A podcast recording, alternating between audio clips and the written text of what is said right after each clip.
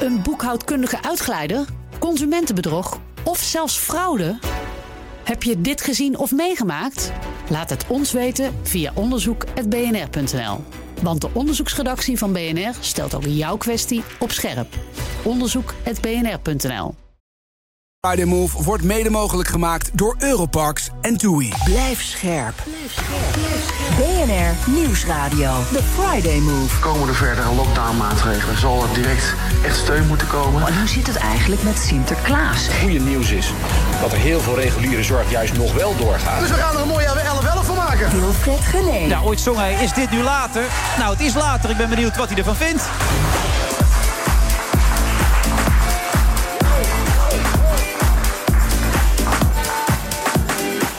Zitten vandaag eh, op Strand Zuid, of in Strand Zuid. Ik weet eigenlijk niet. Dat is eigenlijk een eh, etablissement waar je langs kan komen in Amsterdam, vlak bij de rij. En daar eh, schrijven nog een heleboel andere mensen aan. Bijvoorbeeld straks Diederik Gommers, als hij er tijd voor heeft trouwens. En ik neem aan dat hij natuurlijk ook gewoon moet gaan kijken naar die persconferentie. En ook Thomas Veroningen gaat ons zo meteen alles vertellen wat daar gaat worden gezegd.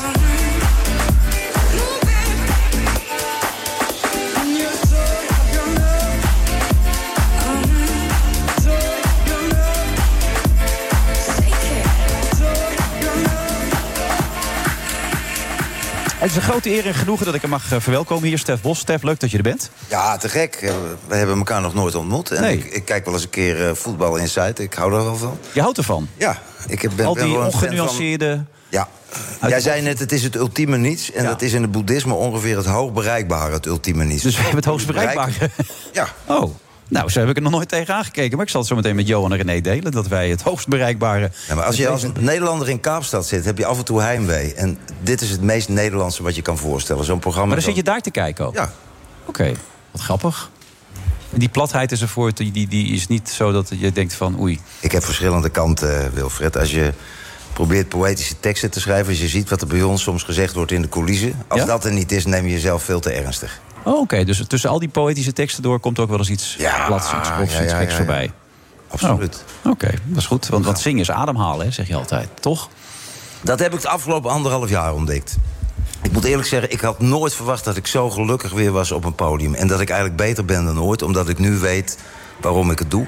30 jaar altijd gezongen, als een evidentie. Opeens anderhalf jaar niet. En toen ik terug begon, dat merk ik nu ook gisteravond in Os... Ja, dan, dan gaat er een soort zindering in de zaal. Ook omdat de intensiteit waarmee het publiek binnenkomt... want Ja. we dachten gisteravond zou zomaar de laatste kunnen zijn... Ja. ja, dan knalt het die zaal Kan nog van steeds, mij hè? uit. En, ja, ja, ja, Ja. het kan nog steeds. ja. Want je was zo opgefokt op een gegeven moment zelfs... dat je een raam kapot hebt gegooid, las ik. Thuis.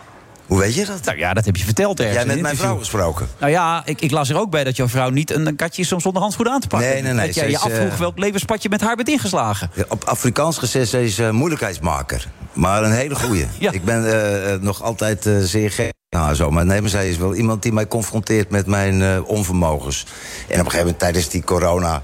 Ik werd ongemakkelijk na vier maanden. Weet Ja. je? Ik dacht, waar gaat dit naartoe? Kan ik nog muziek maken en zo?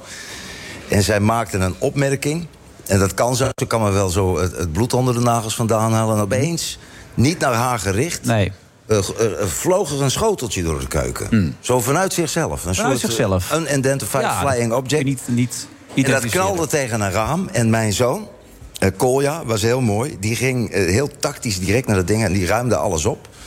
En toen zei hij, eh, papa, gooi je dat nou naar mama? Ik zeg, nee, ik wilde een herinnering hebben aan deze periode... want dit mogen we nooit vergeten. Nee, want dat gaatje zit nog steeds in het Dat raam. zit nog steeds in het raam. Laat je ook zitten ook. Dat laat ik zitten. Dat is een coronaster noemen ja, we hem. want de, de, rust zelf normaal gesproken op het podium... als je op tv verschijnt. Dus eh, jij kan ook exploderen, begrijp ik nu. Ja, ik had het in die coronatijd een paar keer lastig. En dan, eh, eh, en dan begreep ik ook de politieke besluitvorming niet. En ik, ik heb nog voordat ik zong in de zorg gezeten. Ik denk, laten ze nou die zorg zo bakken. Weet je, en dat heb ik nog steeds. Dat ik denk, wanneer gaan we daar eens nu ernstig over nadenken... om die hele sector terug op de rails te zetten. En eh, dat soort dingen. En dan, ja, alles bij elkaar. Heb jij toch vind ik toch, ja, absoluut. Maar ik vind het al apart om te horen. Want ik, ik volg al tientallen jaren jouw muziek en wat je doet. En ik vind het erg mooi. En ik mag ze graag luisteren, die nummers van jou. En daar, daar, daar is- ja, alles wat ademt gewoon bewustzijn. Bewustzijn, aanwezig zijn, beseffen waar het leven om draait. Dan vind ik het heel apart om van jou te horen dat je 30 jaar lang eigenlijk eerst niet besefte hoe intens en hoe bijzonder het kon zijn. Dat staat zo in contrast met wat je uitstraalt in je teksten en je verhalen die je vertelt. Ja, maar dat is toch mooi van ouder worden, vind ik. Dat je dan opeens, als je dat niet in de gaten hebt... Dat je dan opeens zo, ben je er zo lang mee bezig. En ik voel dat ik veel beter ben op een podium dan 30 jaar geleden. Ik ben niet bezig om mezelf te bewijzen, maar als ik vanavond speel in Amstelveen, kom ik op. Wat ik van Ramses Shaffi heb geleerd, ik geef een dreun op die piano en ik vlieg erin. Ja.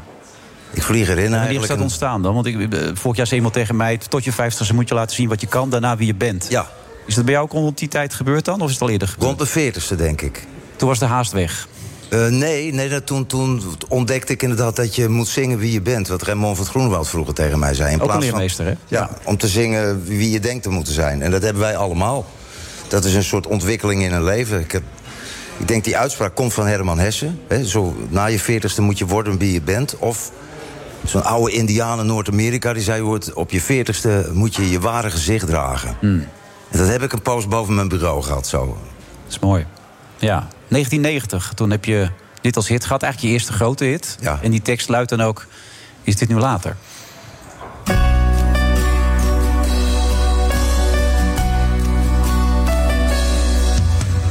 Speelden ooit verstoppertje in de pauze op het plein.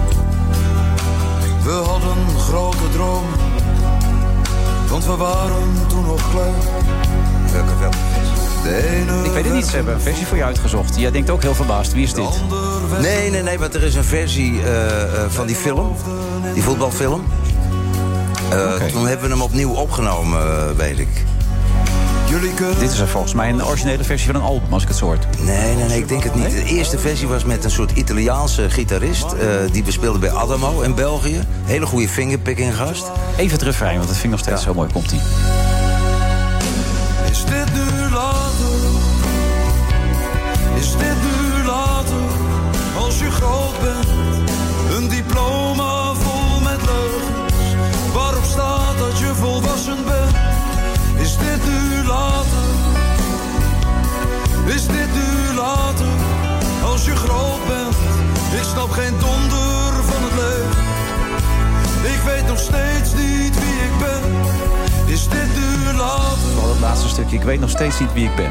Maar dat weet je inmiddels wel dus nu. Nou, heel diep van binnen is dat het mooiste raadsel om zo te laten, hoor. En als Ja? ik hem vanavond speel, zat ik net aan te denken... dan op een gegeven moment aan het einde... eh dat doen we alleen aan de piano... En aan het einde zeg ik, en nu is het later. Ik ben vader van twee dochters Ja. en een zoon. Zie de toekomst door hun ogen. Schoonheid, waanzin in de wereld waar we wonen. Maar ik blijf geloven. Eh, nog steeds niet... eh, wat mijn leven niet verkankerd, wel veranderd door de jaren. Heb later losgelaten. Leef alleen nog hier en nu. Want later is nu, dit is nu later. En, hoe vind je later? En dan zing ik nog, dat is dan het antwoord... en de ruimte is oneindig, zolang je maar je grens verlegt. Je moet er een avontuur van maken van het leven. En daar zit je middenin. Daar zit ik eigenlijk nog steeds middenin. En, en zelfs het einde zou een avontuur moeten zijn Ja, voor mij. want een leven dat eeuwig zou zijn, zou jou niet aanstaan. Hè? Moet ook een einde aan. Nee, nee, nee, dat is gekmakend. Nee. Dat is gekmakend. De dood is eigenlijk wel een goede uitvinding, toch? Wat dat ja, betreft. en de- gisteravond als ik, eh, was wel mooi. Ik liep met de directeur van Os nog het toneel op. Het was een hele mooie avond geweest. En hij liet mij uit aan de achterkant. En toen stonden we op het lege toneel, Wilfred. En dat, en dat vind ik zo'n. Ja. fantastisch moment. hè. Die hele zaal er is van alles gebeurd. Er hangt een soort emotie, maar dat is ook weer weg. We stonden op dat lege toneel. Ik zeg, daarom moet het leven ook niet eeuwig duren. Een voorstelling zonder einde, daar word je helemaal gek van. Juist. Ook het publiek. Ja, en dat geldt ook voor een radioshow. Maar we zijn net begonnen, gelukkig. En we hebben nu Thomas van Groningen zometeen.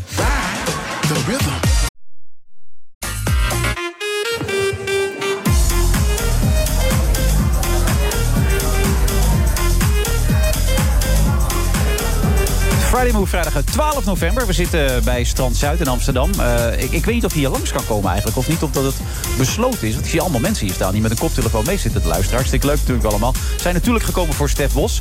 Stef, jij zei het tegen mij voordat we begonnen. Je hebt het vrij druk. Maar ik heb de indruk dat jij ook wel heel veel doet. Want hier liggen we allemaal boeken. Je maakt Ja. een tv-programma. Mooi tv-programma. Met mensen die een bepaalde situatie hebben meegemaakt. Waarvoor je uiteindelijk een lied zingt. Ja. En je treedt vanavond nog gewoon weer op. En je wilt nog veel meer optreden de komende tijd. Maar gaat dat lukken, denk jij? Nou, ik, ik hadden het er net over voordat de uitzending begon. Jij bent ook eh, bezig bij. En eh, het spelen zelf, ik moet eerlijk zeggen... gisterochtend werd ik wakker en kreeg ik toch een dreun voor mijn hoofd weer. Eh, dat ik denk van, fuck, weet je. En de theaters stonden bij die lek van het OMT op de eerste plek. Gisteravond speel ik in Os. Loop, praat met die directeur, hele bevlogen, gepassioneerde man zo. En toen hadden we alle twee zoiets van... beseffen ze wel dat het ook belangrijk is dat mensen nog bij elkaar komen. Buiten, weet je, en ik heb vroeger nog in de zorg gezeten, dus dat deel begrijp ik helemaal. Maar we moeten ook wel andere afwegingen beginnen te maken in de toekomst. Uh, leren aanvaarden dat dit niet in één keer weg is. En wat ik een beetje het probleem vind met die lekken... is dat, dat je uh, heel veel verwarring zaait. Eerst, hè. Dus vandaag is de voetbal aan de beurt. Vandaag zijn wij weer aan boord. Maar we weten eigenlijk nog steeds niet wat er gaat gebeuren zo direct... met die persconferentie. Nou, deze man wel als het goed is. Ja, daarom ben Daar ik... is hij voor. Daar zit hij hier ook. Ja. Dat is de, de expert. En toch durf ik even, niet... even gefeliciteerd nog. Ik heb het van de week op de radio gedaan. Maar nogmaals ook hier namens BNR. Dankjewel. Reporter van het jaar. Daar zit hij. Dames en heren, applaus. Thomas van Groningen. Ja, hallo. Ja, ja, ja, ja. Dank u. Ja. Weet je aan jou te danken trouwens die prijs? Want ik hoor dat heel veel VI-kijkers hadden gestemd. Nou ja, dat graag gedaan, uh, Thomas. En daarom heb je ook voor ons... Oh nee, je hebt niet voor ons gekozen. Shit, je bent voor op één maar, gekozen. Uh, uh, het probleem is, ik weet ook nog niet... ik durf nog niet echt mijn handen voor in het vuur te steken... of de theaters daadwerkelijk open kunnen blijven. de lekken zijn een beetje... Diffuus diffuus. En wat we merken, op dit moment is de ministerraad net afgelopen... dus die staan nu de pers te woord. Ieder moment zullen we wel iets meer te horen krijgen... denk ik, en zal via de achterkant ook het een en ander uitlekken. Maar we merken dat er binnen het kabinet echt veel discussie is... over wat er nou precies moet gebeuren. Maar hoe, hoe merk jij dat? Want dit vind ik, dit is leuk. Dit is theater, hè? Ja. Hoe weet theater. jij dat? Heb jij je inlichtingen? Heb jij ja, jou... je belt met mensen die werken voor bewindspersonen bijvoorbeeld. Okay. En dan vraag je veel. En die willen niks zeggen, want die zijn natuurlijk ook wel zo getraind... dat ze niet uh, alles op straat gooien voor zo'n persconferentie. Maar ja, die, is het een pittige discussie? Ja, het is wel een pittige discussie. En als je zo meerdere mensen spreekt... dan kan je een aardig beeld vormen van hoe het daar, aan, daar en, binnen aan toe gaat. En dat is nu het geval, zoals je zei? Ja, dat was gisterochtend eigenlijk al. Toen kwam het kabinet bij elkaar op het Katshuis. Dat, toen kwamen ze er niet uit. Toen zijn ze gisteravond verder gaan praten. Toen kwamen ze er wel voor een deel uit. In ieder geval, dat lekte uit via onder andere nu.nl en de NOS. Dat, er, uh, dat de horeca in ieder geval weer na zeven uur terug moet, en sluitingstijd. En dat het weer geplaceerd moet. En dat bijvoorbeeld in dat voetbal uh, op het strafbankje komt te zitten... dat daar geen publiek meer bij mag. Maar dat leek een heel incompleet beeld eigenlijk qua maatregelenpakket. En vanmorgen zijn ze weer verder over gaan praten. Is ook overleg geweest met burgemeesters. Dus ik moet ik zeg, dit is voor het eerst dat ik richting een persconferentie ga. We hebben er nu 40 gehad. Dat ik echt denk, oeh, ik weet eigenlijk kan niet goed voorspellen wat er vanavond in zit. Jij zit ook een beetje door je vraag heen. Want je mag als een van de eerste vragen stellen, heb ik gehoord. En je hebt ook even een rondvraag gedaan. Hebben mensen toch suggesties voor een goede vraag vanavond, nou, toch? Het, ja, ja. Nee, het is goed van je. Gewoon delen met de mensen hier misschien ook wel. Hier, kijk allemaal mee. Ik heb het aan de redactie van BNR gevraagd. Ja, nee, maar ik kan het hier ook vragen ja. natuurlijk. Iedereen wil graag meepraten ja. in het land. Meneer Bos, heeft u nog een vraag? Nou, ik, dat doe ik nooit meer. Want ken je dat verhaal over mijn neef, Albert Bos? Is dat jouw neef? Dat is mijn neef, de oudste van mijn broer. Dus ik zit ah. te wachten op een persconferentie, Wilfred. Hm. Uh, juni was het, denk ik, of mei. Ja. De, de, de, de slechte vraag die gesteld werd... waar heel Nederland over viel toen van die journalisten. Dat was mijn neef. En ik zit net... Of was er ruzie over? Uh, ja. ja. Dus ik zit te kijken... Ik wacht zo via internet, ik denk in Zuid-Afrika... om te kijken wanneer het begint. En ik zag hem op de rug, dus ik begin hem te whatsappen... geef hem van Katoen. dat, had ik, ja, dat heeft hij gedaan. Dat had ik niet moeten doen. Heel dus het was, eigenlijk, het was ja. mijn schuld. Ik, ik zat hem maar wat te vroeg je ook alweer exact dan? Ja, volgens mij, we hebben ons toch goed gedragen, volgens mij. Dat, dat, dat Wat is de beloning? Wat hij ja. had gezegd, oh, als we ons goed was, gedragen. Ja. Het was op zich niet zo'n hele verkeerde vraag, maar... Hij had hem anders gesteld als jij dat appje niet had gestuurd. Daar Precies, het op neer. en het was de verkeerde timing. Uiteindelijk is Stef Bos schuldig aan het feit dat Albert Bos nu gewoon de lul is. Kruisigt mij. Ja, hij nee, is van social media afgegaan, geloof ik, daarna. Omdat zoveel mensen boos waren op die vraag. Dus. Maar uh, waar zou jij zelf aan zitten te denken? Wat is jouw insteek vanavond? Nou ja, toch, uh, ik wil, ik, ja, als politiek vlag ben ik heel geïnteresseerd in waar de discussie dan is geweest. Wat, wat, wat was de ene optie, de andere optie? Wat ik denk vooral weten is als je nu strenge maatregelen neemt. Wat is dan het Hmm. einddoel daarvan? Dus wanneer zeg je dan die maatregelen kan je opheffen? Wat, ja, wat staat hier nu drie weken? Gaat niet gebeuren, dat weten we nu al, toch? Nee, maar als je dus nu aan hem kan vragen... Wat, bij hoeveel ziekenhuisopnames per dag kunnen die maatregelen eraf, bijvoorbeeld? Eh, als je daar een antwoord op hebt, dan kan je het kabinet daar ook aan houden de komende tijd. Dus dat wordt interessant om, om te kijken of ze daar een antwoord op durven geven. Ja. Het is toch zo dat je vooral in huiselijke kring, uh, uh, uh, snel besmet raakt? Dat is toch uit alle cijfers komt dat een beetje Ja, je hebt, kijk, dat is, ik zie dat staatje heel veel voorbij komen. Hè. En Koninklijke Horeca Nederland die zegt wel... ja, maar 2,9% van de besmettingen Juist. komt van de horeca af. Dat is waar, dat blijkt Ja. uit het bron- en contactonderzoek van de GGD's. Maar er zijn wel twee hele belangrijke kanttekeningen bij... Die ik van alle deskundigen krijg. Is één, maar van 28% en een beetje eh, kunnen ze achterhalen... wat de setting is geweest waarin iemand is besmet geraakt. Dus Oh, oké. ruim 70% van de besmettingen is dat niet duidelijk van. Het bron- en contactonderzoek kan het aantal besmettingen niet meer aan. Dus dat beeld is behoorlijk onvolledig. En twee, ehm, het is nogal logisch dat je de thuissituatie de meeste mensen besmet. Eh, omdat je namelijk dan, als je aan de telefoon de vraag krijgt... heeft u enig idee hoe u het heeft opgelopen? Dan weet je het antwoord. Dan zeg je ja, mijn moeder heeft corona. Of mijn neef, of eh, die heb ik thuis ontmoet. Maar eh, weet jij nog met wie je gisteravond allemaal in de kroeg hebt gezeten? Nee. Wie die meneer, dus jij weet ook niet of die meneer die naast jou zat gisteren... vandaag misschien positief Oké, test. ja, ja, op die manier. Dus dan Ja. is het in die zin ook wel logisch. Dat, dat, dat, dus dat beeld is heel onvolledig. Ik wil daarmee niet zeggen dat de horeca een enorm besmettingsbron is. Dat weet ik niet. Maar die cijfers waar nu heel veel mee gestrooid wordt... eh, ja, de vraag is, zijn die volledig, zeggen de deskundigen. Maar zijn wij sowieso niet verdwaald in een soort eh, eh, labyrint van statistieken? Ik weet niet meer hoe ik dingen moet lezen. Ik krijg dan in België, zeggen, geven ze grif toe van... kijk, de meeste mensen zijn gevaccineerd die nu in de ziekenhuizen liggen. Ja.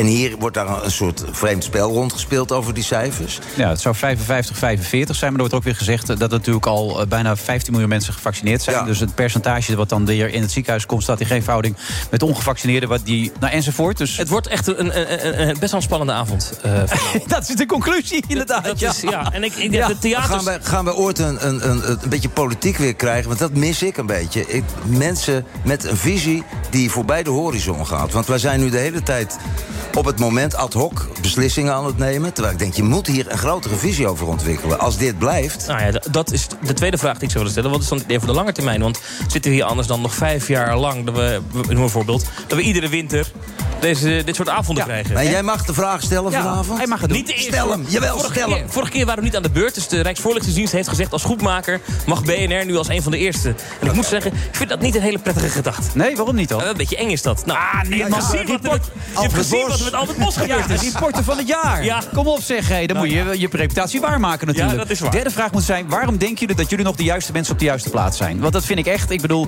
Ja, maar die is voor Sam. Heel goed. Die is voor Sam. Nee, maar ja, die is Ja. voor Sam. Maar ik bedoel, eh, waar baseren we nog op dat... Want het gaat over leiderschap, hè, met Ja. visie en Ja, ja, ja, toekomstplannen. dat is eh, wat ik Die mis. hebben we al jaren niet ontdekt op dit moment. Ja. Ja. Waarom, zijn er, waarom zouden zij er nog geschikt voor zijn dan? Wanneer komen ze met een plan? Hè? We gaan het vragen of nou. Ja, nee, dat ga je dus niet. We hebben Louis van Gaal nodig. Een soort Louis van Gaal. Dat vindt Louis ook zelf, hè? Ja, ja, ja. Die zou het zo over willen nemen. Ja, hij hoort dit, hij denkt, ik kom eraan. Maar je rijdt er nu naartoe, toch een beetje gespannen, Thomas. Ja, een beetje wel. Ja. Maar, Maar weet, je ik- al, weet je al wat je gaat vragen nu? Nou ja, die twee dingen die ik net noemde. Maar ik ben ook wel gewoon, omdat ik... Maar die vraag is normaal gesproken weten wij smiddags al echt wel... wat er s'avonds in zo'n persconferentie zit. En het is nu allemaal zo... eh, de, de geluiden die we horen zijn, gaan echt alle kanten op. En dat, dat maakt het wel spannend, vind ik. Ik zie het ook aan je. Maar je kan het. Het is, een- ja, het is ook een beetje... hebben dat is vertrouwen in mooi je, van dit Thomas. vak, Ja. eh, Wilfred. Zet hem op, kerel. Dankjewel. Dankjewel, hè. Nieuwsradio. The Friday Move. Harde maatregelen, evenementen even on hold. En je voelde gisteren echt wel de crisissfeer in Den Haag weer helemaal terugkomen. Ik vrees echt dat dat 2G onvermijdelijk is. Ik dacht, het zal niet waar zijn. Wilfred Gené. Regisseur Els van Driel won met de documentaire Shadow Game meerdere Europese prijzen. En dat is terecht.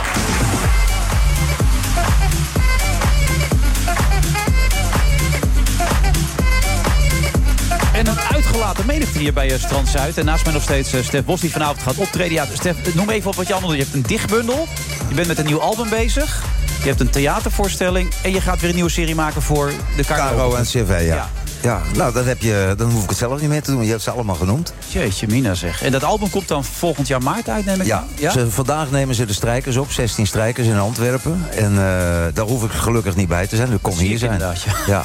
En, en die dichtbundel die ligt hier ook voor me, zie ik al? Of, eh, Ja, is- ik heb met een, eh, de, de man van onze vroedvrouw in Zuid-Afrika, Pieter van Straten heet hij, bij Ja. toeval. Dus niet de Pieter van, de Peter van Straten die wij ooit kenden hier in Nederland. Maar die maakt waanzinnig mooie schilderijen. Een beetje humor, zit ironie in, surrealisme.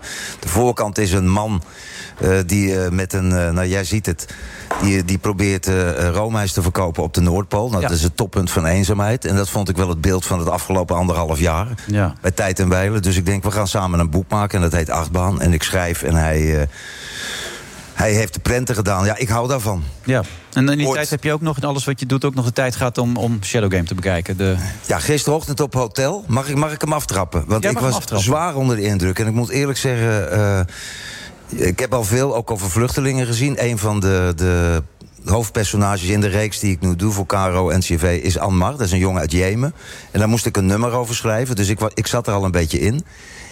En die, dat begin van die documentaire, dat is een schok. Ja, Want opeens zie je, it's a game.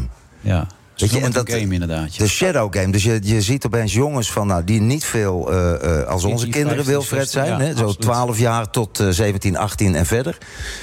Die proberen eh, hier naartoe te komen. En, en eh, ja, ik, ik, ik moet eerlijk zeggen, na, na een uur van die documentaire... toen ik dat einde zag met die Kroatische eh, grenswachters of politie die erop Ja, afgingen... Die hem pakte en dan schopte en nog een Holy nieuwe shit. En, ja. Ik dacht, wat voor wereld leven wij?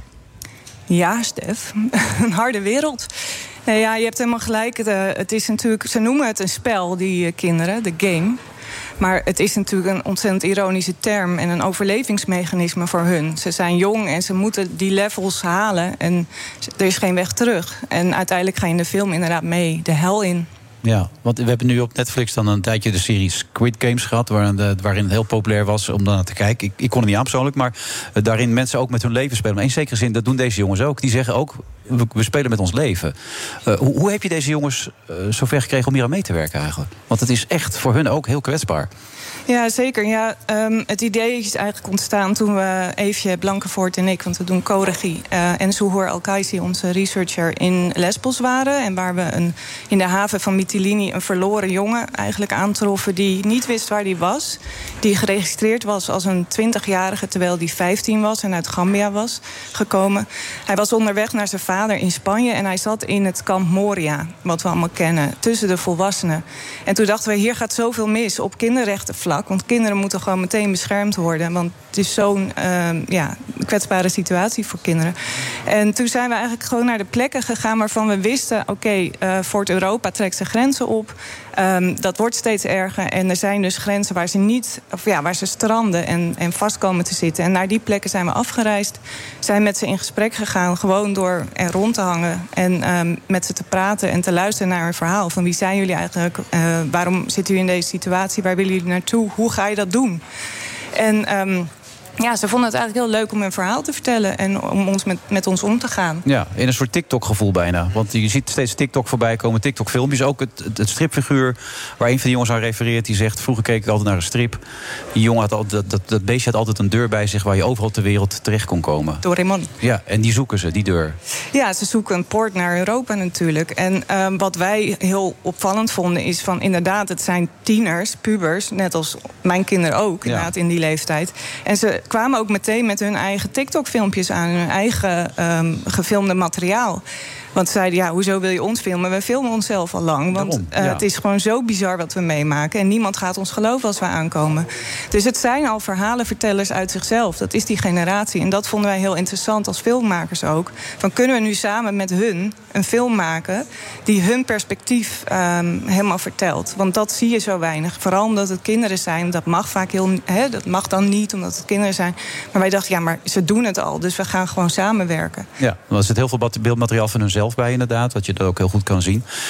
Waar- waarom raakt het jou zo, Stef, als je die film zit te kijken? Wat, wat doet het dan met je? Ja, omdat wij zelf kinderen hebben die daar naartoe gaan. Weet je? En dan denk je, er zijn kinderen op de wereld van dezelfde leeftijd. Dit moeten mijn kinderen ook zien, bij wijze van spreken. Die zien dat al in Kaapstad, dikwijls, weet je. Daar leven veel mensen op straat. Dus daar zit je in een harde sociale realiteit. Maar ik, ik schrok hier zelfs van dat ik denk, wat jij ook daarnet zei... Wij, wij gaan elke dag slapen, woon je in Leidse Rijn... of woon je in de Achterhoek in Winterswijk. En wij beseffen niet dat er op dat moment jongens van 12 tot 18 onderweg zijn in Europa... ergens in de bergen in Slovenië om proberen die grens te passeren.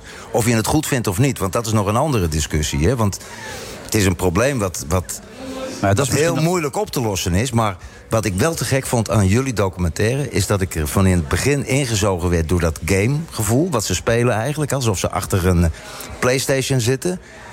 En de schoonheid van de, eh, de beelden die afgewisseld wordt... met een soort hardheid door die selfies. Ja, maar ik denk ook, Els, dat we onderschatten hoe serieus dit is. Ik bedoel, we zien het nu met Lukashenko... die allerlei eh, Ja. vluchtelingen, immigranten... naar de Nederland of naar de Europese grenzen stuurt. De, de ontwrichting en nou ja, de ontwrichting van Europa...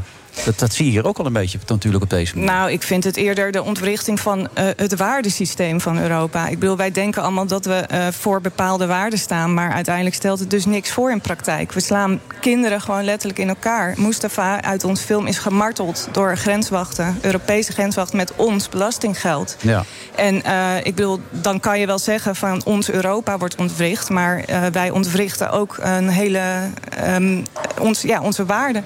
Maar hoe vind je dat het aangepakt zou moeten worden dan? Wat is jouw optie daarover dan? Nou ja, ik vind niet dat dat aan mij is. Ik ben uh, journalist en jij ook. Het is niet aan ons om de oplossingen te geven. Er zijn talloze scenario's en ideeën over. Uh, en daar zouden we uren over door kunnen praten. Maar wat in ieder geval moet stoppen is dit geweld. Dit kan gewoon niet. Dit staat lijnrecht in, in, Hmm. in, tegen onze uh, verdragen ook in. Het is illegaal wat we doen. Ja. Nee, wat mij ook ontzettend raakte is dat die vasthoudendheid, die, die vastberadenheid. Ik bedoel, die jongen, Fijs heette die geloof ik, die Frankrijk probeerde in te komen. Ja.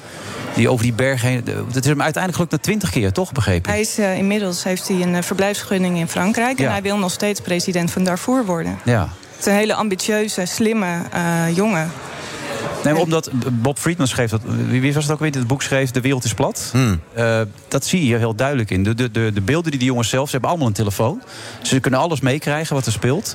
En het is allemaal zo dichtbij voor ze. Waardoor ze opeens ook geen grenzen meer zien, lijkt het wel. En dat is volgens mij wat er met ze aan de hand is, toch? Ze zien die grenzen zelf niet meer. Nou, die zien ze wel. Want nee, ze maar ze zien hem niet meer als dat het, dat het ze tegen zou kunnen houden. Nou, zeker, want dat ervaren ze elke dag. Nee, dat bedoel ik. Maar ja. uiteindelijk geloven ze er niet in. Ze geloven dat ze naar dat land kunnen en dat ze er naartoe ja. moeten gaan... en dat ze daar hun toekomst kunnen opbouwen. Nou, omdat er niet echt een andere optie is. Ze zijn vertrokken en teruggaan kan niet. Um, en heel veel hebben natuurlijk een geldige reden om te... Nou, een van die jongens zegt ook... ga jij in een land blijven waar je geen onderwijs kan krijgen... Precies. waar je geen eten kan krijgen, Precies. waar je geen opvoeding krijgt? Of waar je moet vechten voor milities waar je, wat je niet wil. Ja. Het is ook een hele familie die erachter zit. Hè? Want een van die jongens, ik vertelde en ik ken het van... er zijn 10 miljoen illegalen in Zuid-Afrika... maar die zitten meestal in die Uber-taxis. Dus dan krijg je geweldige verhalen te horen. Maar die zijn allemaal gestuurd met geld van de familie. Want een vriend van die jongen uit Jemen die in het AZC in Utrecht zit... die moest 20.000 euro betalen. Ja, dat klopt. Het is een hele industrie. En dat komt natuurlijk, wordt in stand gehouden... doordat de grensbewaking zo Ja. streng is. Dus het wordt alleen maar duurder en gevaarlijker. En dat is ook de reden waarom het kinderen zijn die het nog proberen. Want die kunnen makkelijker eh, bewegen en die zijn sterk fysiek. Want die zien wij eigenlijk in de documentaire. Want er zijn van die mafioze reisleiders eigenlijk. Hè, die moet je dan betalen. En die helpen hun dan het eerste stuk op pad. Of hoe werkt dat eigenlijk? Hoe, hoe...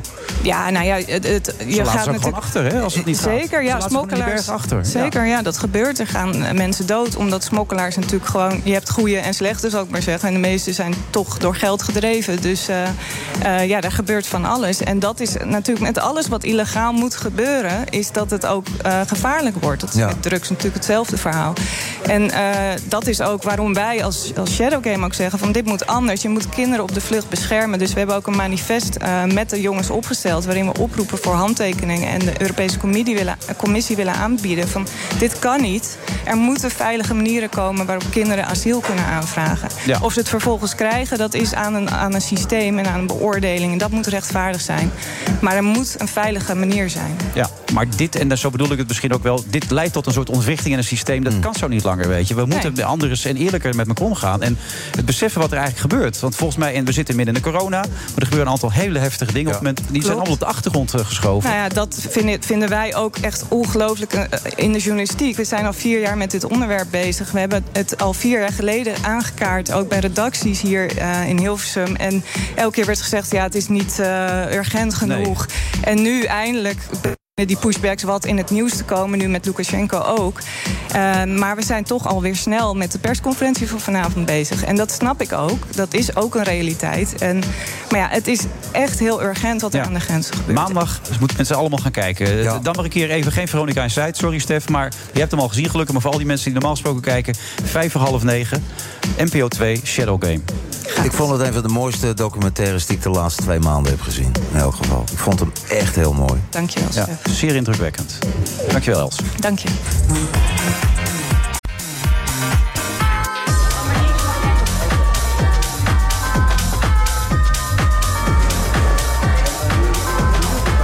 Vrijdag eh, 12 november. En we zitten vandaag in eh, Strand Zuid in eh, Amsterdam, Draai. Eh Stef Bos is mijn co-host. Die is nu druk eh, informatie aan het uitwisselen natuurlijk met Els. Want oh, ze maken een foto samen. Ja, ik kan me dat heel goed voorstellen, Els. Iedereen wil met, met, met Stef op de foto. Inmiddels inmiddels aangeschoven is Alex Blanchard. Alex, eh, goedemiddag. Goedemiddag. Het gehoor werkt nog goed of niet? Je hoort niks. Maar, eh, te veel klap op je oren of niet? Nee, ik weet het niet. Nee, ik, er zijn natuurlijk, als je al heel veel klap hebt gehad... dingen die minder werken. Maar de oren werken goed, Ja, toch? de oren werken goed, ja. Ja, geen enkele last. Nee hoor, helemaal niet. Goed dat je er bent. Eh, en het is ook leuk voor Stef Bos, want die, die heeft een boek bij zich. Je hebt ook iets over boksen in het boek staan, begrijp ik, toch? Ja, er staat, er staat een. een eh, eh, eh, voor de, ik ben ambassadeur van de Hersenstichting, Alex. En ik ben eigenlijk van, van jongs af aan. met mijn broer zaten we altijd boksen te kijken. Ja. Dat is niet die Albert van- Bos, dat was een neef, hè, voor de Nee, nee, duidelijkheid. nee, Ja, dat, is geen, andere dat is de vader van eh, Oh. de, de journalist. Oké, ja. En eh, nou ja, de fameuze gevechten, Joe Frazier, Ja. Cassius Clay, jaren 70, George Foreman, de, de Rumble in the Jungle. eh, eh, dat ken ik nog als jongetje, want hij was tien jaar ouder. Dus jou, jij staat ook op mijn vizier. Nou, dat is wel een... eh, En toen ik naar de toneelschool toe ging, Wilfred, was boksen voor ons jongens. Dat is een manier om te laten zien wat er gebeurt in Shakespeare. Hè, Mhm. Je hebt een toneelstuk en daar wordt. Daar, daar spreken mensen tegen elkaar, maar eigenlijk is het ook een vorm van boksen. Verdediging, aanvallen, hou je dekking goed en zo. Ja, ja. dus ik vind het. eh, Maar je hebt iets over dat, dat, boksen verteld. Dat ja, er was een, een gast uit Haarlem die inmiddels overleden is. Nu moet ik hem even zoeken. Ehm, dat was een bokser, amateurbokser. En ik moest een nummer voor hem schrijven. Die had een tumor in zijn hoofd. eh, en, ik Nee, jij zoekt even door ondertussen. Ja, ehm, Maar Alex heeft in zijn tijd natuurlijk ook het nodige bereikt als bokser. Eh, Alex, waarom dit boek? Dat is altijd een belangrijke vraag natuurlijk. Want het moet een moment zijn in je leven die denkt... nu, nu wordt het tijd voor een boek. Nou, dat klopt. Ik had eh, mijn been gebroken en ik moest eh, eh, drie maanden, vier maanden dus eh, plat liggen. En ik verveelde me toen een eh cliënte die ik train... Ja, je personal trainer ben je ja, nu, hè? Ja, ja. Die, die zei, waarom ga je niet een, een, een boek lezen? Ik zei, nou, ik ben veel te onrustig voor het lezen. Ik zei, nou, wat ik mee heb gemaakt, dat zou ik wel eens een keertje op willen schrijven. Toen zei ze, schrijf maar op. Toen ben ik gaan schrijven. Toen kwam eigenlijk alles vanuit mijn tenen, vanaf mijn jeugd, vanaf alles kwam toen eigenlijk weer naar boven. Ja. En, eh, Kindertehuizen, Absoluut. En, en ja, de, de leuke, minder leuke dingen. Maar ik heb het gedaan om eigenlijk meer als nalatenschap voor mijn kinderen en mijn kleinkinderen. Maar die eh, cliënte die vond het zo mooi dat zij eh, heeft gezegd: ik ga dit verfilmen. Want zij werkt ergens voor een tv tv-maatschappij. Ergens. Zij werkt voor een Nederlandse tv-maatschappij. En eh, zij heeft tegen mij gezegd: we gaan dit verfilmen in een serie. Dus ik ben er heel trots op. Maar dat was de slagroom natuurlijk op de taart. Daar Ja. heb ik er niet voor gedaan. Dat Nee, maar is, pas nadat het het is ook heel goed. Heb je, het, zelf- je hebt niet helemaal zelf geschreven, zag ik in de, in de inleiding. Maar het is echt lekker Nee, ik heb geschreven. het helemaal geschreven. Echt waar? Ik heb het helemaal alleen... namelijk- Het, wacht, wacht, wacht. Het Ja? is alleen geredigeerd door, de, door, door de, de uitgeverij. De Klink. Maar het is natuurlijk mijn verhaal. Ik heb het zelf opgeschreven. Alleen, eh, het, is, het, is, eh, het is geredigeerd. DT T. Maar die proloog heb je zelf geschreven. Nee, dat is, dat is met Pe- Peter Vensdorp gegaan. Ja. Maar die heb ik eruit gegooid. Want het was eigenlijk eh, alleen maar eh, zakken vullen. En in plaats van eh, dat er dus de, de Oh, wegwezen. dus die, die, dat bedankje aan het begin in het boek, dat had je er eigenlijk ook niet in willen hebben. Nee, maar goed, het is, dat is zo, je begint erover. Maar de Ja. rest is allemaal van Met mij. grote Dus dank aan Peter Frensdorf. Ja, maar dat voor zijn onmisbare hulp bij het optekenen van mijn ja, Daarna hebben we hem eruit geflikkerd. Ja, maar ik kan het ook, ja. Het, het kostte meer om het eruit te halen. Dus ik denk, laat me staan. Nee, maar het, het leest heel lekker weg, Alex. ja. Maar ja, goed, dat is ook gewoon... Ik heb een paar jaar erover gedaan. Ja. En dat is voor mij gewoon, dat is mijn stijl. En, eh, Ja, maar ook, ook eh, even voor, voor alle duidelijkheid. Er zijn een heleboel mensen die niet kunnen schrijven, hoor. ik bedoel, ja. Eh, Ja, maar ja, goed, dat is een voordeeltje voor mij. En eh, ik heb het op een... je hebt je een- carrière misgelopen als ik het zo hoor. Ja, nou ja, goed. Al die klappen, je had beter kunnen gaan zitten schrijven. Het is een compliment. Maar het is gewoon een. eh, Het is een, een- volgens mij is het een heel, leest het heel lekker weg. Dat bedoel ik, het leest heel lekker eh, weg. Toen je stopt is- met die proloog, dacht ik, fuck, waarom stopt hij nou met die proloog? Maak het nou even af, dacht Nou ja, ik. het is een droom, hè. Ik werd wakker en dacht Jawel. ik gewonnen had. Maar het, Ja. het gaat over dat het een mooi divers verhaal is... over de ontvoering bij, bij de Joegoslaven... Over, over kinderthuizen, over de slavernij. Het gaat over mijn, mijn verlies en mijn, en mijn winnen. Het gaat over het veroveren op een leuke manier van Ja. vrouwen... een minder leuke manier. Dus ik denk dat het een heel apart verhaal is. Want waarom ik het ook heb een beetje geschreven... dat ik me wel eens afvraag... eh, ik kom wel eens bij de Bruna en de ACO en al die winkels... Ja, ik en dan hoor. zie ik overal zie ik van die boeken... en dan denk ik bij mezelf... Ze schrijven allemaal autobiografie, maar waar gaat het over? Ja, dan over zelf, toch? Ja, maar dan, dan koop je één, twee boeken. Maar dan weet ik, wat is nou de essentie van het verhaal? Want het, het slaat helemaal nergens meer op. Er wordt een heel boek geschreven over hoe iemand bijvoorbeeld eh, in een scheiding is gekomen. Of hoe iemand bijvoorbeeld eh, eh, iemand verloren Maar wat, heeft. wat verschilt er met dit boek dan? Dat vertel Nou, je toch dit- ook allemaal? Nee, kijk, dit is een boek dat gaat over hilariteit. Het gaat over hoe je dus af moet zien om iets te bereiken. Ja. Het gaat over dat je dus weggestopt bent 14 jaar in een Dat je dus geknokt hebt op een manier om bovenop te komen. Mijn zuster heeft 30 jaar heroïne gebruikt en ik ben er wel uitgekomen. Nou, er zijn allemaal dus anekdotes die ik geschreven. Mensen die ik mee heb gemaakt. Jean-Paul Belmondo, O.J. Simpson. Ja, Mohammed Ali staat- staat op de met- foto met. Ali op de foto. Dus ik denk dat ik wel wat mee heb gemaakt om Ja. dat allemaal te kunnen verwoorden. Je zegt eigenlijk al die andere mensen, de meeste andere mensen die een biografie schrijven, hebben eigenlijk geen recht van spreken. Die, die, die lullen maar wat, die proberen eh, wat vol. Jij hebt echt een beetje iets Nou, meegemaakt. Ik, ik, ik denk dat ik wel wat neergezet heb vergeleken wat ik allemaal zo'n beetje bij de ACO en de Brunan is. Maar noem eens een paar waarvan je echt zegt dat zijn echt Nou, eh dan moet ik, kijk, zakkenvullers. ik, ga, ik ga niet. eh, de- de- ik ga geen namen noemen, maar heel veel is flauwekul wat er ligt. Maar je bedoelt eigenlijk te zeggen dat daar zit dikwijls geen verhaal in. Er zit En eigenlijk geen dat je zegt. Als een je, verhaal. ja, als je dus leest, waar gaat dit nou over? Als Wim Kief zijn verhaal vertelt over zijn verslaving, dan denk je nou, ja. Luister, nou, Wim heeft gewoon mazzel dat eh, Michiel van Egmond het er geschreven heeft. Punt 1. Want alles wat Michiel aanraakt wordt een bestseller. Mhm. Ja. Dat is één. En plus, hij is een voetballer. Maar zijn verhaal, naast mijn verhaal, is de helft wat ik ermee heb gemaakt. Ja. Snap je? Dat, dat zeg ik Niet gewoon. boos worden op mij nu, nee, Alex. Nee, nee, nee. Ik kan er ook niks aan doen. Nee, maar ik bedoel me zo. Maar toch is dat een boek wat twee- 200.000 eh, of nog Ja, meer worden eh, de omdat het is. Publieksprijs, ja. Omdat het, ja. Michiel van Egmond. Maar ik heb dit geschreven, Alex Blanchard. Ja. Boksen is niet... En die Peter Vrensdorf, die moet gewoon zijn mond houden, Hij toch? moet zijn mond houden, dan krijgt Ja. hij linkse hoek. Hier, dat bedoel ik, ja. Ja, zakkenvuller. Ja, dat zakkenvuller. Ja, dit wordt een rechtszaak. Wat, maar is de, wat is de essentie van het boek wat jij... Stel, ik, hè, wij hebben nog kinderen van een 12, 13 jaar.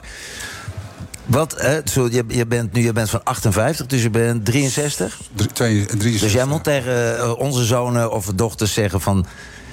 Als kijk, het over wat- het leven gaat, dit heb ik geleerd. Dit, dit Nou, maar kijk, vast. Ik, ik eindig ook dat ik ook eerlijk zeg... ik zou niet willen dat mijn kinderen mee moeten maken wat ik mee heb gemaakt. Maar je moet het in context zien. Kijk, als ik uit een kinderthuis kom... dan denk jij niet wat een slechte jeugd heb je gehad. Dan Nee. ben jij niet bezig met... oh, ik heb geen liefde gehad. Oh, ik weet niet wat warmte is of genegenheid. Dat kom je pas later in processen kom je dat weer tegen. Ja. Niet op dat moment.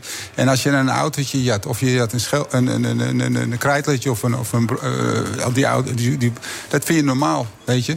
En ik kwam voor het eerst kwam ik al heel vroeg kwam ik bij Penose in aanmerking. Omdat meneer Philips en meneer van Unilever en, me- en, van de, en, en van de Unox... die wouden mij niet sponsoren. Weet je, als ik in net de brief schreef. Ja, ja. Dus ik, maar ome Willem van het café, een, eh, een dikke Charles, die wouden dat wel. Dus je best automatisch kom je dan weer in dat cafeetje terecht. In een bepaald milieu waar in je een niet omheen bepaald kan. milieu zit, Ja. snap je? Dus dat is met boksen altijd zo geweest. Maar als je je geheim mag verklaren waarom je er uiteindelijk toch uit bent gekomen, wat is dat dan? Knokken. Ik, heb, ik ben weggedrukt. Ik denk persoonlijk dat ik... eh, kijk, als jij uit eh, het Blaricum komt... of je komt uit Laren, het Gooi... Maar ik kom uit Leeuwarden. Maar maar dan Ik, heb eh, jij niet die mentaliteit Ja. die ik heb. Nee. Omdat eh, alles gaat je voor de wind. En ik denk als je weg bent gedrukt, dat er iets is van dat je iets wil presteren om, compensatie. Ik denk dat dat het is. Ja, maar dat lukt niet iedereen er, eh, voor de Ja, duidelijkheid. dat moeten zij weten. Maar wel- Nee, dat snap ik ook. Maar ik bedoel, het, er komt wel wat bij kijken. Ik ben zeker gelet op wat je hebt meegemaakt. ja, ja, maar goed, het is me gelukt. En, eh, en eh, ik heb ook heel stomme dingen weer gedaan. Maar het is me gelukt. Maar het is me ook weer niet gelukt. Want ik had al lang klaar moeten zijn. Ja. je financieel. Dus wat is wijsheid? Maar had je het willen missen? Nee, ik heb het heb, ik zeker niet, want ik heb een machtig leven gehad. Ik heb echt alles meegemaakt wat je wil. Ik heb heel veel landen gezien. Als je het leest, veel landen deuk zo nu en dan ook. Dan sta je weer bij het leger des Heils in Amerika mee te eten, mee te zitten enzovoort. Ja. Nee, die Dan heb je een tegenstander die, eh, die zijn jas niet eens kan optillen. Dus wel, Ja. Maar dat is juist... eh, Kijk, eh, die momenten realiseer je dat niet. Maar Wilfred, ik ben ook pas volwassen geworden... toen ik, denk ik, 45, 47... Nou, hadden we het net over. Hè? Ja. werd pas volwassen. Anders had ik gewoon doorgeleefd zo. Snap je? Ja. En, eh, en, en, en, en, en, en een Chinees die heroïne rookt... en die blijft roken, die kan ook 100 worden. Maar op het moment dat het er niet meer is... dan krijgt hij afkikverschijnselen. Dan gaat het sputten. Snap je? Maar Ja. zolang je maar door blijft, weet je niet beter. En dat is met mij ook gebeurd. Ik moest eerst op mijn bek gaan. Mijn vrienden waren dat niet op dat moment toen ik ze nodig had. Nee. Ook een leerschool, wat je denkt van ja, wat is vriendschap? Is een relatief begrip. Onvoorwaardelijke vriendschap weet ik niet of dat bestaat. Maar echte gevecht, echte gevecht lever je met jezelf natuurlijk aan het einde van de dag. Nou ja, Sowieso. ja, natuurlijk. Je moet het uiteindelijk. Je komt en je gaat alleen. Maar het is zo dat je, dat je, dat je eh, heel veel processen meemaakt. En later heb je pas de, re- de, de, de, de, de, de, de, de, de, de profijt ervan. Niet op het moment. Dat besef je dat allemaal niet. Maar wat, zit- wat ik wel weet, Alex, ze moeten bij die ACO en die Bruna gewoon al die anderen eruit eh, mikken. gelijk. en, en gewoon al die boeken voor jou neerzetten. Ja. Want er gebeurt wel wat. Dat Ja. kan ik niet ontkennen. Ja, dat klopt, dat klopt. Ja, Joegoslaven. Nou, je kan ze allemaal wel noemen, maar dan, dan blijf je bezig natuurlijk. Ja, ja, allemaal. het gaat nu goed, hè? Je bent nu helemaal veilig, alles is oké. Ah, personal helemaal goed, trainer. Helemaal goed. Ja, helemaal goed. de rust ik heb zelf. twee, ik heb twee, eh, twee portiers heb ik eh, in mijn auto staan. Als ik zo meteen wegrijd, dan, eh, dan word ik weer beschermd. Dus dat gaat allemaal goed bij mij. Beide kanten zitten ze goed, stevig. Ja, nou, het is fijn dat het goed voor elkaar is. Dan. Deze heb ik teruggevonden, Alex. Je raapt jezelf weer bij elkaar, staat weer op en gaat weer door. Niet gemaakt om op te geven, ook al dans je op een koord. De bel gaat voor een nieuwe ronde. Je staat nog altijd in de ring. Vechtend met een tegenstander die zich meestal niet laat zien. Mooi poëet. Zo, ja. Dat is geïnspireerd op de boksport. Ja, mooi. En op een eh, iemand, eh, eh, hij zag er eigenlijk uit zoals jij. Ook een, eh, een deel van gemengde bloeden, jongen uit Haarlem... die jammer genoeg is overleden aan een hersentumor. En die zei, mijn gevecht met kanker is zoals boksen. Ja, ja, ja. Nou, En dat is eigenlijk jouw verhaal ook, ja, hè? zeker, zeker. Ik bedoel... eh, Knokken. knokken. Vechten. Zeker, doorgaan. De vechter. Ja, absoluut. Mensen, koop het. Het boek De Vechter is te koop bij de ACO en de Bruna. Ik wil niet... Oh, die hebben ze ook. Ja. nou, dan is het goed. Goed dat je het even hebt aangegeven, Alex. Bedankt dat je er was. Dank jullie wel. Ja, tot later. De Friday Move wordt mede mogelijk gemaakt door Europarks en TUI. Blijf scherp. BNR Nieuwsradio. The Friday Move. Komen er verdere lockdownmaatregelen? Zal er direct echt steun moeten komen? En hoe zit het eigenlijk met Sinterklaas? goede nieuws is dat er heel veel reguliere zorg juist nog wel doorgaat. Dus we gaan er een mooie 11-11 van maken. Wilfred Gené. Ja, wat kan Stef Bos eigenlijk niet? Dat kan hij ons nu vertellen.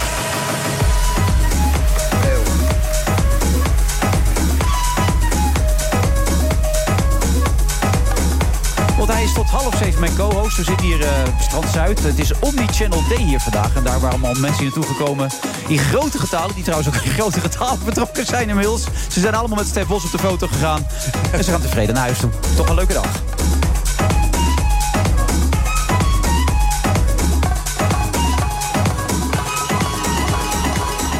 Ja, want eh, Stef, wat kan je eigenlijk niet, hè? Wat ik niet kan. Ja, wat is nou niet iets wat in jouw bereik ligt, zeg maar? Eh, goh, echt goed voetballen heb ik nooit gekund. Maar ik, ik hou wel heel erg van de sport. En, eh, maar ik werd altijd, bij ons was het het zaterdag amateurs in Veenendaal, Dovo. En eh, dan kreeg ik het kaartje op eh, eh, zaterdagochtend. En dan stond ik toch meestal reserve. Toch wel? En achteraf begreep ik ook wel waarom. En Ja. daar ben ik mijn liedjes beginnen te schrijven. Ik denk, ik moet wel doen aan de Maar als kunstenaar, ik bedoel, uiteindelijk heb je je vorm gevonden als, als, als, als liedjeschrijver natuurlijk. Maar de, eh, liedjeschrijver en uitvoerder natuurlijk ook. Maar daarvoor heb je aan cabaret gedaan, aan Ja. toneel gedaan. Dat was niet helemaal jouw cup of tea? Nou, ik moet eerlijk zeggen, als ik vanavond in Amstelveen speel... is de helft stand-up wat ik nu doe. Echt waar? Ja, omdat ik het, ik vind het een interessante tijd en veel te improviseren. En dan heb ik, ik heb een paar lijnen uitliggen. Ja. En eh, nee, daar zit er heel veel humor in. Dus dat komt opeens nu terug op de kaart. Grappig. Want je hebt op kameretten, kameretten meegedaan, zeg ik Ja. ook. En eh meerdere optredens, ook op middelbare school al had je een cabaretgroepje. Ja, de Kameretten hebben we de publieksprijs gewonnen. En eh, in Amsterdam, ook dat festival. Maar dat waren meer manieren om er een beetje in te komen. ja, ja. Maar eh, de, de, humor die je niet zo vaak etaleert, volgens mij in het grote werk wat je doet op de televisie en zo, in je Ja. liedjes, dat is er absoluut aanwezig. Ja, ja, ja, ja, ja, ja, ja. Dat is, dat is, ik zat er nu aan te denken bij die serie die we nu voor KRO en CV draaien. Dan gaat het eh, over vluchtelingen, zoals we net met Els eh, Ja. erover hadden, over die prachtige documentaire. En op een gegeven moment zeg ik tegen een of andere idealist... nou ben ik er helemaal klaar mee met die idealen. Nou gaan we het over voetbal hebben.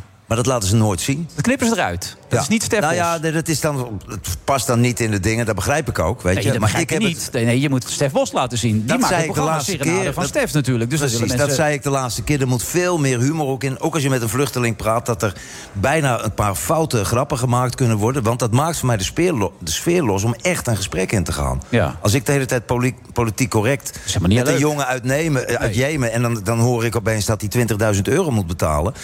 dan wil ik wel weten hoe rijk ze zijn in Jemen. Weet Ja. je, zijn familie. En, dan, eh, en zo'n programma wil ik nog wel eens maken. ja. Dat je interviews hebt over mooie onderwerpen... met een beetje poëzie, maar tegelijkertijd... Humor en een rauw randje. Een beetje van, van de grijp erin. Oké, nou, is leuk om te horen. Maar eh, als je dan praat over deze wereld en over deze tijd... wat doet dat dan met je met deze tijd? Ja, ik word alle kanten uitgeschoten. Ik voel me een soort eh, bal in een flipperkast wat dat betreft. Vanaf begin vorig jaar. En het kwam... eh, wij waren aan het toeren, net begonnen. Dus die corona begon. Ik vloog terug naar Zuid-Afrika om mijn ge- eh, gezin te halen. Want die zaten toen daar. En toen zaten we opeens in een lockdown vast. En toen moesten we in huis blijven. We hebben Ja. een, een huisje in Kaapstad. Huisje? Ja, ja nee, dat is gewoon een Ja, huisje in de stad. Ja, ja, ja, ja, ja. Bezit bezwaard, zei mijn vader vroeger. Je moet niet te veel Oh, Oké, hebben. dat is goed. Ja. En ehm, eh, toen zaten we daar. En toen begon ik me wel vragen te stellen: zo van, hoe kun je een, een soort eerste wereld lockdown toepassen. Op een, eh, op een tweede, derde wereldland waar mensen geen huis hebben. Dan kun je toch ook niet zeggen: je moet thuis blijven Nee. als je geen huis hebt. Nee. Dus in in, dat was het begin van mij met corona. En toen ben ik wel altijd meegaand in alle maatregelen. Zo wel dat ik dacht, we moeten ons wel vragen blijven stellen over het grotere beeld. Waar we het net over hadden, over de persconferentie. Wanneer krijgen wij leiders in dit land die eh, eh, ver vooruit kunnen kijken? Die niet alleen stuurmannen zijn door de storm, maar ook de sterren kunnen lezen. Ja, Wij hebben een kapitein nodig. We hebben een nieuwe kapitein nodig, zeg je dan ook. De huidige kapitein is daar niet toe in staat. Nee, ik vind, Rutte ik vind Rutte, die we mijn persoonlijke oordeel is dat hij een goede stuurman is, maar geen kapitein. Ik voel niet een ideologie en geen droom. Ik moet, je moet mensen hebben die een droom hebben. Daar, die, daar kun je ook, eh, dit is een beetje een nat stuk zeep. Nat stuk zeep? Ja, ja dat glipt de hele tijd uit je handen. Op het moment als ik... Ik ben hem ook een paar keer tegengekomen. Een hele sympathieke man. Maar Ja. die doet ook enorm zijn best om bij iedereen sympathiek te blijven. En dat Ja. zou ons toch een beetje vragen moeten stellen. Weet je, zo van... Het is een pleaser. Ja. Ben jij een pleaser? Ik heb die kant wel, ja. Ja. Dat is een deel van... Als je vier jaar naar de toneelschool gaat... dan kom je er wel een beetje vanaf. Maar hoe ouder ik word, nee. Mm. Nu, anders zou ik zoiets ook niet zeggen. Nee, maar jij zegt met een pleaser hebben we niet iemand die een kapitein kan zijn. Dat is wat je eigenlijk zegt. Nee, en het, Rutte is heel, is heel functioneel als stuurman. Maar als je allemaal stuurman hebt, hetzelfde als Grapperhaus met dat voetbalgeweld. Ja. Die loopt opeens op televisie te zeggen Blik van... op stuk, eh, laatste ja, keer afgelopen. En we gaan het allemaal aanpakken. Ja. We gaan ze aanpakken, dit kan nu niet. En dan denk ik, dit is een leraar die geen orde kan houden. Ja. Want op dat moment moet je rustig blijven. En dan moet je gewoon eigenlijk zeggen... Eigenlijk is een beetje Mhm. in, in The Godfather... eh, ze zullen het wel merken binnenkort. Mm. Je moet die jongens op hetzelfde level aanpakken als waar zij zitten. Maar niet een overspannen onderwijzer gaan spelen. Want ik zie het een beetje als toneel. En dan zie ik soms hele slechte acteurs bij ons in de politiek. Dus het tijd voor een nieuwe lichting. Een van de mensen van de nieuwe lichting is aangeschoven. Er is ze, Nilufer Gundogan. Goed dat je er bent, hè, Nilufer. Dankjewel. Herken je een beetje dit verhaal wat hier geschetst- geschetst wordt? Ja, ik moet ook meteen lachen eigenlijk. Ja? Ja. Want jij bent van Volt, de nieuwe Ja. lichting... die in één keer drie zetels pakte, zomaar vanuit het niets. Wat heel knap is natuurlijk. Waaronder mijn stem. Nou, dankjewel. Ja, ik wist echt niet waarop ik moest stemmen. Ik kom een beetje uit de linkse hoek en ik, dat, dat, die hadden het verkorven. Ik zag helemaal geen visie. En ik denk van nou, ongeacht alle wantrouwen over Europa... er is geen andere weg dan om dit samen te doen. Dat zie je in die corona. We maken er een zootje van in Europa met Ja. elkaar. En dan kun je zeggen van, schaf Europa maar af. Maar jullie hadden tenminste zo'n geluid dat ik dacht van... misschien moet je juist voorwaarts in dat idee. Maar het dan aanpakken. Maar goed, in elk geval. Vind je ook dat Rutte geen goede kapitein is? Mag ik heel eerlijk zijn? Ja, natuurlijk. Ja, dat vind voor. ik. Ja? Ja. En wat ontbreekt er bij hem aan? Een stuk nat, een st- gladde zeep was het, hè? Net, ja, een stuk zeep, ja. Nou, ik, ik merk gewoon vooral wat ik mis... is een gevoel van besef dat sommige dossiers echt op barsten staan. Hmm. En we hebben het over meerdere dossiers. Hè? ja, corona nu natuurlijk voorop. Groningen. Groningen, ehm, ik kan er nog meer noemen. Hmm. Ehm, we hebben echt ook gewoon... ehm, de sociale ongelijkheid is enorm groot. De woningmarkt gaat gewoon echt gewoon helemaal verkeerde kant Druk op de zorg, inderdaad. Druk op de zorg, de GGZ, noem het allemaal maar op. Als ik niet me af en toe los laat zingen van de dossiers waar ik mee bezig ben... dan staat het huilen me echt gewoon dichtbij. En ik ben niet een emotioneel mens. Maar het is echt omdat ik gewoon echt grote ongelukken eh, ja, Voorzie. voorzie. ben ik echt ongerust om. En corona ook. Eh, vanaf dag één dat ik in de Kamer zit en dit dossier doe... eh, probeer ik echt met man en macht bij te sturen... en gewoon duidelijk te maken, jongens, we moeten voorzichtig zijn. Dit virus is heel erg gevaarlijk. Dit virus is heel erg slinks. Telkens als je denkt dat je er bijna bent, dan komt het virus weer terug. Zelfs de landen die daar heel voorzichtig mee zijn, zoals in Portugal en in Italië, die als je hun eh, besmettingswaarde zou vertalen naar Nederland op 2000 besmettingen zitten. Nou, dan zouden we, dat, wij zitten een factor 8 hoger, eh, ruim 8 inmiddels. Dan zie je dus dat die landen veel meer voorzorgsmaatregelen gaan nemen bij die waarden dan dat wij. Die hebben wel geleerd, want die hebben natuurlijk ook de, de, de, de, de lijkkisten zien opstapelen enzovoort. Ja, maar wij hebben ook na de, of tijdens de eerste golf bijna code zwart gehad. Dus waarom, wat hebben wij dan nodig om te leren? Ja. Waarom leren andere landen wel sneller en beter dan wij? Maar verklaar het. Dus jij zit in Den Haag. Waar- waarom werkt dat daar niet dan? Waarom willen de mensen het daar niet zien dan? Die zijn er toch voor om ons daarbij te helpen? Nou, ik zie een paar patronen. Eh, het dualistisch systeem is niet aanwezig. Als een minister een bepaalde motie ontraadt, dan gaat eh, de gehele coalitie gewoon mee. Eh, dus de gelederen worden gesloten. Dus je maakt het vanuit oppositie, hoe zinnig je voorstel ook is. En soms zal er ook wel iets onzinnigs tussen zitten, wellicht. Maar hoe zinnig je voorstel ook is, het komt er gewoon niet doorheen. Je krijgt het gewoon niet voor elkaar. Dus het controleren van de Kamer met 150 Kamerleden, ja, daar kan je je vraagtekens bij, afzet- bij neerzetten.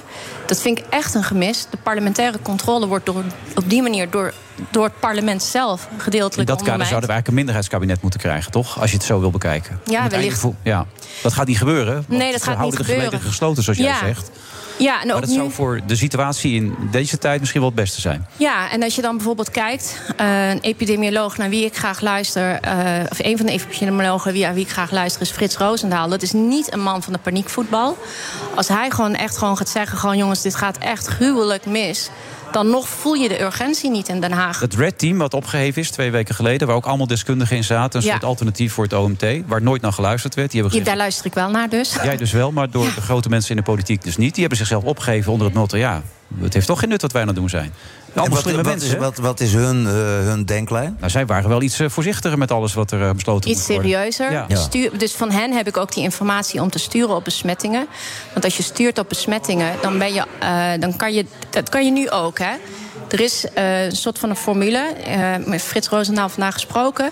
Het LUMC. En dat kan iedereen die de RIVM-cijfers erbij pakt, kan dat gewoon napakken. Deze besmettingen leiden 1 tot 2 weken later tot ongeveer Ja. 2% ziekenhuisopname. En daarvan gaat ongeveer een, eh 20 tot 25% naar de IC. Dan kan je gewoon een klok op gelijk zetten. En dat fluctueert wel iets, die 2% en die 20 of 25%. Maar dat is de bandbreedte waar we in zitten. Dus het moment dat jij al weet dat je. De NZA heeft dat uitgerekend, de Nederlandse Zorgautoriteit. dat er zo'n 200.000 uitgestelde operaties zijn. Dan moet je gewoon ten koste van alles voorkomen dat je in een situatie komt dat je meer dan 4000 besmettingen hebt. En pas ongeveer toen de waarde over de 10, 12.000 heen ging. Toen pas begon dit kabinet na een maand, terwijl de cijfers begonnen te stijgen, te denken: Goh, gut, misschien moeten we gewoon eens een nieuw OMT-advies opvragen. Maar mag ik wat vragen? De, de, toen er gestemd werd in het parlement over die QR-code bijvoorbeeld... zijn de meeste meegegaan, de meeste partijen, in de meerderheid. In België is er nu, de, de hoofdviroloog daar, Steven van der Rug... die zei eh, vorige week van, zo noemen dat in België... de COVID-safe-ticket. Dat safe is een volstrekt idiote ding, want... gisteren zit de zaal vol bij mij in Os, 800 mensen waarvan niemand weet wie er besmet is. En dus het geeft die QR-code geeft een volstrekt vals beeld. Hè? Dus waar je zegt, ik ben het helemaal met je eens. Het is beter om je te testen. Dat doe ik de hele tijd eigenlijk. Weet je, buiten het feit of je gevaccineerd bent. En dat willen ze afschaffen. Met die 2G. Stel dat dat er door zou komen. Dat is het meest onverstandige toch om te doen? Ja, dus tenminste de epidemiologen die ik spreek... die zeggen dat, dat 2G wel kan werken. Kijk maar naar Italië. Dan kan je gewoon heel erg lang kan je de besmettingen laag houden. Maar goed, daar zitten ook weer verhalen dat je dat toch weer niet moet doen. Dus ik zou dat niet zo snel willen zeggen ja of nee. Maar je merkt gewoon nu ook, de besmettingen zijn torenhoog... en de discussie waar het echt om moet gaan... waarom is het zo hoog? Waarom is er zo laag ingegrepen? Waarom weten wij maar niet te leren?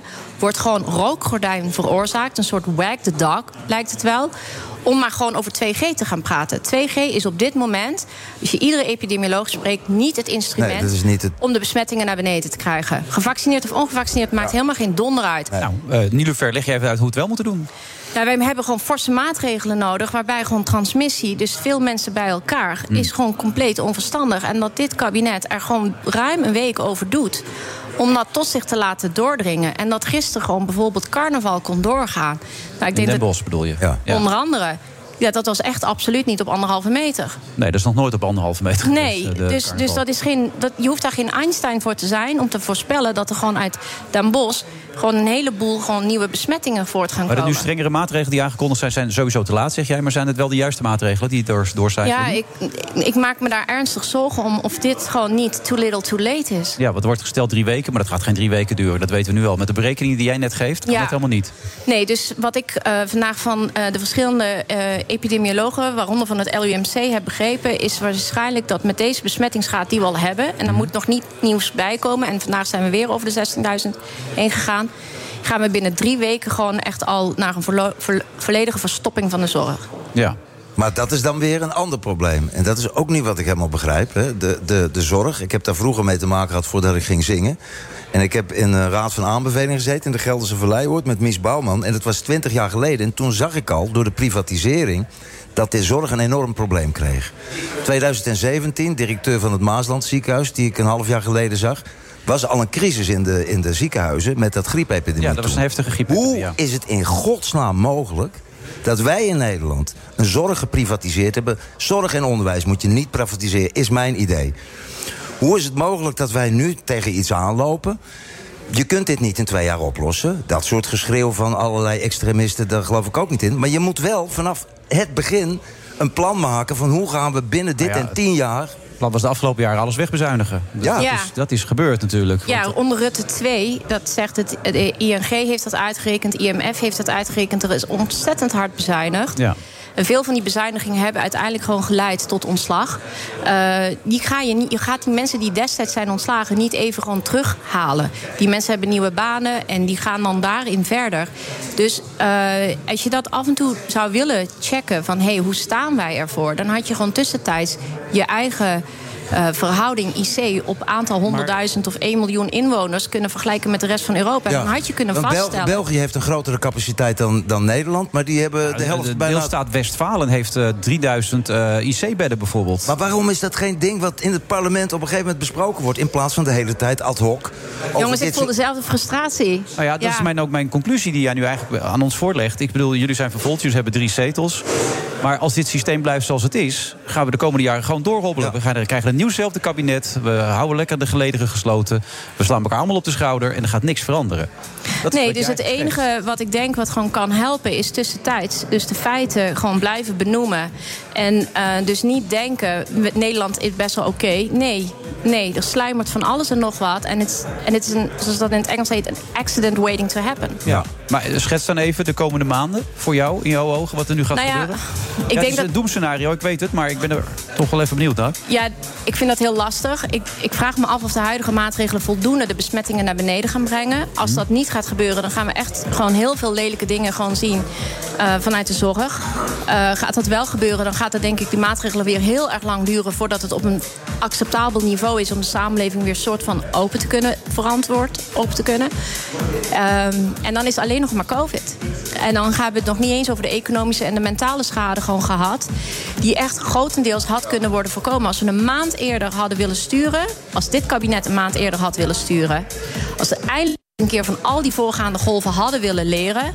Dan had dit echt veel minder ernstig kunnen zijn. Kijk maar naar Italië, kijk maar naar Portugal. Ja, en ondertussen over al die dingen, migratiestromen, eh Onderwijs. onderwijs. Want eh, onderwijs, ik bedoel, bij mijn zoontje op school, en ik hoor het overal. Die kinderen, het is één groot slagveld wat, wat, wat, wat eh, COVID betreft ook. Allemaal klassen die thuis blijven, het is niet normaal gewoon. Nee, en de achterstanden. Kijk, nou zit naar waar alle waarschijnlijkheid jouw zoontje nog op een school waar het allemaal nog prima is geregeld. Ja, En, ehm, thuisonderwijs en zo met, met zo'n computer en zo. Dat soort precies. dingen, ja. Maar kijk eens even in de meest lage zes gezinnen... die gewoon klein behuisd zijn, weinig eh, geld hebben... om bijvoorbeeld voor ieder kind een laptop te kopen of wat dan ook. Ja, dan, ga je, dan zie je dat de achterstanden die er al zijn... die worden alleen nog maar groter. We worden niet vrolijker van dit gesprek. Nee, nee. Maar het is tijd dat we dit erkennen... want ons kabinet doet, erkent het niet. Mijn moeder zei altijd, eh, die had de oorlog meegemaakt. Die zegt van, we dachten in de oorlog, dit gaat nooit voorbij. Ze zei, pessimisme is het kijken op de korte termijn. Als je wil dat dit dingen goed komen, moet je heel ver vooruit kijken. Ja, maar je moet ook durven te veranderen. En als je doet wat je deed, krijg je wat je kreeg. En Ja. Rutte 4 wordt niet veel anders dan Rutte 3. Zo, die had jou kunnen bedenken, deze. Ja, dit is goed voor een liedje. Ja. Zo net trouwens ook, hè, van Alex Planchard. Ja, ja, ja, ja, ja. Ik werd wakker. eh, Wat, wat zei hij ook weer? Ik werd wakker en en ik droomde dat ik ge- gewonnen had. Ik droomde dat ik gewonnen had. Dat is toch een geweldige begin. Dus ik ben absoluut een optimist. Maar dan moet er echt iets veranderen. En met een beetje doorgaan op oude voet... gaan wij dit land niet gewoon in koppositie brengen. Dan blijven we altijd een beetje, zeg maar, gewoon zo... in de eerste divisie hangen. Dat is onvoldoende. Dus toch Louis van Gaal. Ik denk het wel. En Louis luistert altijd in dit programma. 2000, ja, echt waar? Ja, die mist- 2010, Wilfred, fantastisch moment. Eh, ik moest spelen met die jongens van Niet uit het Raam en Raoul Heertje voor de, eh, voor de KNVB tijdens de WK. Van Gaal was daar als gast. En die nacht eh, heb ik een fantastische nacht gehad. Zo, wij stonden daar allemaal te babbelen met die, met, die, met die cabaretiers en Van Gaal. En het ging alleen maar over politiek. En ik dacht, Hij zou het kunnen. hij zou het kunnen. Hij zou het moeten doen. Ja.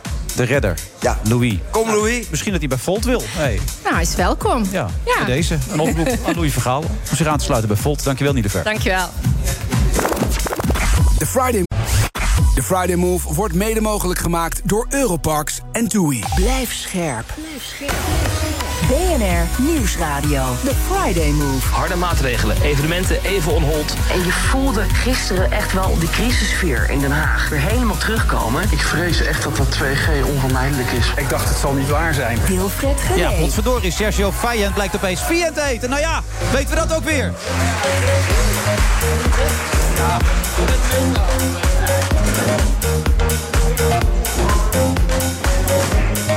en de echtgenoot van onze eindredactrice wil nu ook meepraten. Die raakt een beetje overmoedig nu, Fransje. Dat moet het niet te gek maken natuurlijk allemaal. Moet wel inhoud hebben, dit programma. Nou ja, inhoud in dit programma.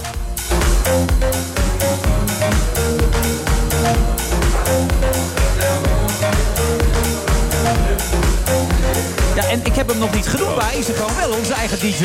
Ja, hij heeft geen snabbel vandaag. DJ Thomas Robson, dames en heren, geef een applaus. Jee. Ja, ja, ja. Ja, dan hoef je niet nog een Pieter in te gooien wat mij betreft. Maar goed. Ja, nee, oké, nu is hij afgelopen. Hartstikke goed. Is dit een beetje ook jouw muziek, Stef? Of eh, vind je dit echt verschrikkelijk? Want je zat bij de, de, de, de beste zangers. Dat was natuurlijk een beetje ander genre ook. Ja, ik hou van heel veel soorten muziek. Van Pink Floyd tot eh, Leonard Cohen. Eh, maar ik ben natuurlijk... eh, daar gaan we zo wel over beginnen, denk ik. Ik ben heel erg aangestoken door Afrika, omdat ik daarin terecht ben gekomen. Dus als je dit soort muziek analyseert, maar dat kan nog een streepje verder... en naar echte goede transmuziek in Zuid-Afrika... die mensen maken, de sangoma's, hè, de, de medicijnmannen... dan weet je niet wat er gebeurt. Dan heb je ook dit, eigenlijk drie akkoorden. En ik heb er veel met die jongens zitten spelen. En dan ben ik toch een, een kaaskop. Dan zeg ik, jongens, komt er nog tekst? Ja. The text will come out of the music. en dan zit je met een gitarist uit Zimbabwe, eh, met Louis Mslanga. En dan ben je tien minuten iets aan het spelen en je bent weg. En dat is wat dance eigenlijk een beetje doet. Maar het verschil is dat als je een echte goede zwarte ritmesectie erachter hebt... dan zit je net voor of na de tijd.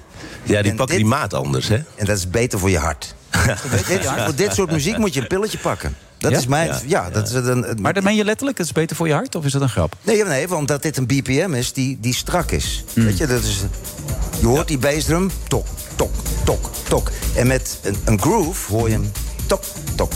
En dan gaat hij net Ja, die hangt er een beetje tegenaan. En, zo, En ja. ons hart zit ook niet op een hele strakke lijn. Dus dit soort muziek vind ik te gek, want het heeft dezelfde trance... die eigenlijk Mhm. in, de, in de Afrikaanse muziek zit. Maar, eh, d- maar die bassdrum zou voor mij een beetje meer mogen bewegen... bij tijd en. Je zit allemaal mee te praten, hè, Sergio? Ja, ja, zeker. Jij, jij kent dit gevoel. Ja, sorry dat ik uh, vijand zei. Het is dus Ja, ja? Vijand, Ja, ja. Vijand voor de duidelijkheid en de first dates. Ik, ik heb je net uitgelegd dat mijn vrouw en mijn kinderen altijd zitten te kijken. Mhm. Daar kennen we natuurlijk van. Maar eh, de, de muziek raak je ook gelijk en dan gebeurt er iets. Nu. Nou, ik, ik hou sowieso van, eh, van eh, muziek. Ik ben er, eh, mijn moeder speelde vroeger in eh, Fruitcake. Eh, Echt waar? My feet won't move. Dat is een van mijn ja, ja, ja, ja, ja. Oh, wat een schitterend Nou, nummer. mijn moeder eh, die was daar zangeres. Fantastisch. En, eh, en volgens mij, hij was de broer van de gitarist van Spargo. Spargo, ja, klopt, ja. dus ik ben er echt heel erg opgegroeid met muziek. En altijd muziek om ons heen. Dus Ja. ik hou er wel van hoor. Je bent trouwens je boek vergeten, hè? Ik ben... ja, Dat vind, ik, dat vind ik nog eens iets. Ja. ja. Dus je gaat een PR-ronde doen en je vergeet Ja, je boek. komt ook voor iets anders. Nee, ook, ik maar- kom voor wat anders. Ja. Dus, eh, maar fijn dat je even mijn boek noemt. Hè? De Liefde volgens Sergio. Ja. Eh, overal te koop, denk ik. En, eh, Ja, dus zeker bij de ACO en, en de Brune. Alhoewel weet ik er niet zeker meer na het verhaal van Alex Blanchard... dat ze misschien Ja, ja, alles maar ik weggestuurd vind het hebben. wel goed. Ik, ik, dit boek wil ik hebben omdat hij het niet mee heeft. ja. Dat geeft Dat meer... geeft, geeft direct een spanning. oh, waar is het? Ja. Zo ook niet om dat te promoten gelijk en duwen en zo. Nee, gewoon zeggen van zoek het maar van. op. Hè. Zoek even bij de Bruna. Dan heb je ook wat natuurlijk. Zeker, zeker. Ja, want jij komt voor Frank Sinatra. Ik kom eh, voor Frank Sinatra. Ik ben nog eh, heel erg aan het nashaken van gisteren. Want Hmm. gisteren hadden we de première in Amstelveen. En eh, dus eh, Jim Bakkum eh, die zingt. We hebben een 30 kopie, 30, 13-koppige big band. De Dutch Concert Big, big Band. En ik vertelde verhalen Ja. over Frank. Ja. En nou, mijn, mijn debuut in het theater. Maar Frank doet ook, doet ook iets met je?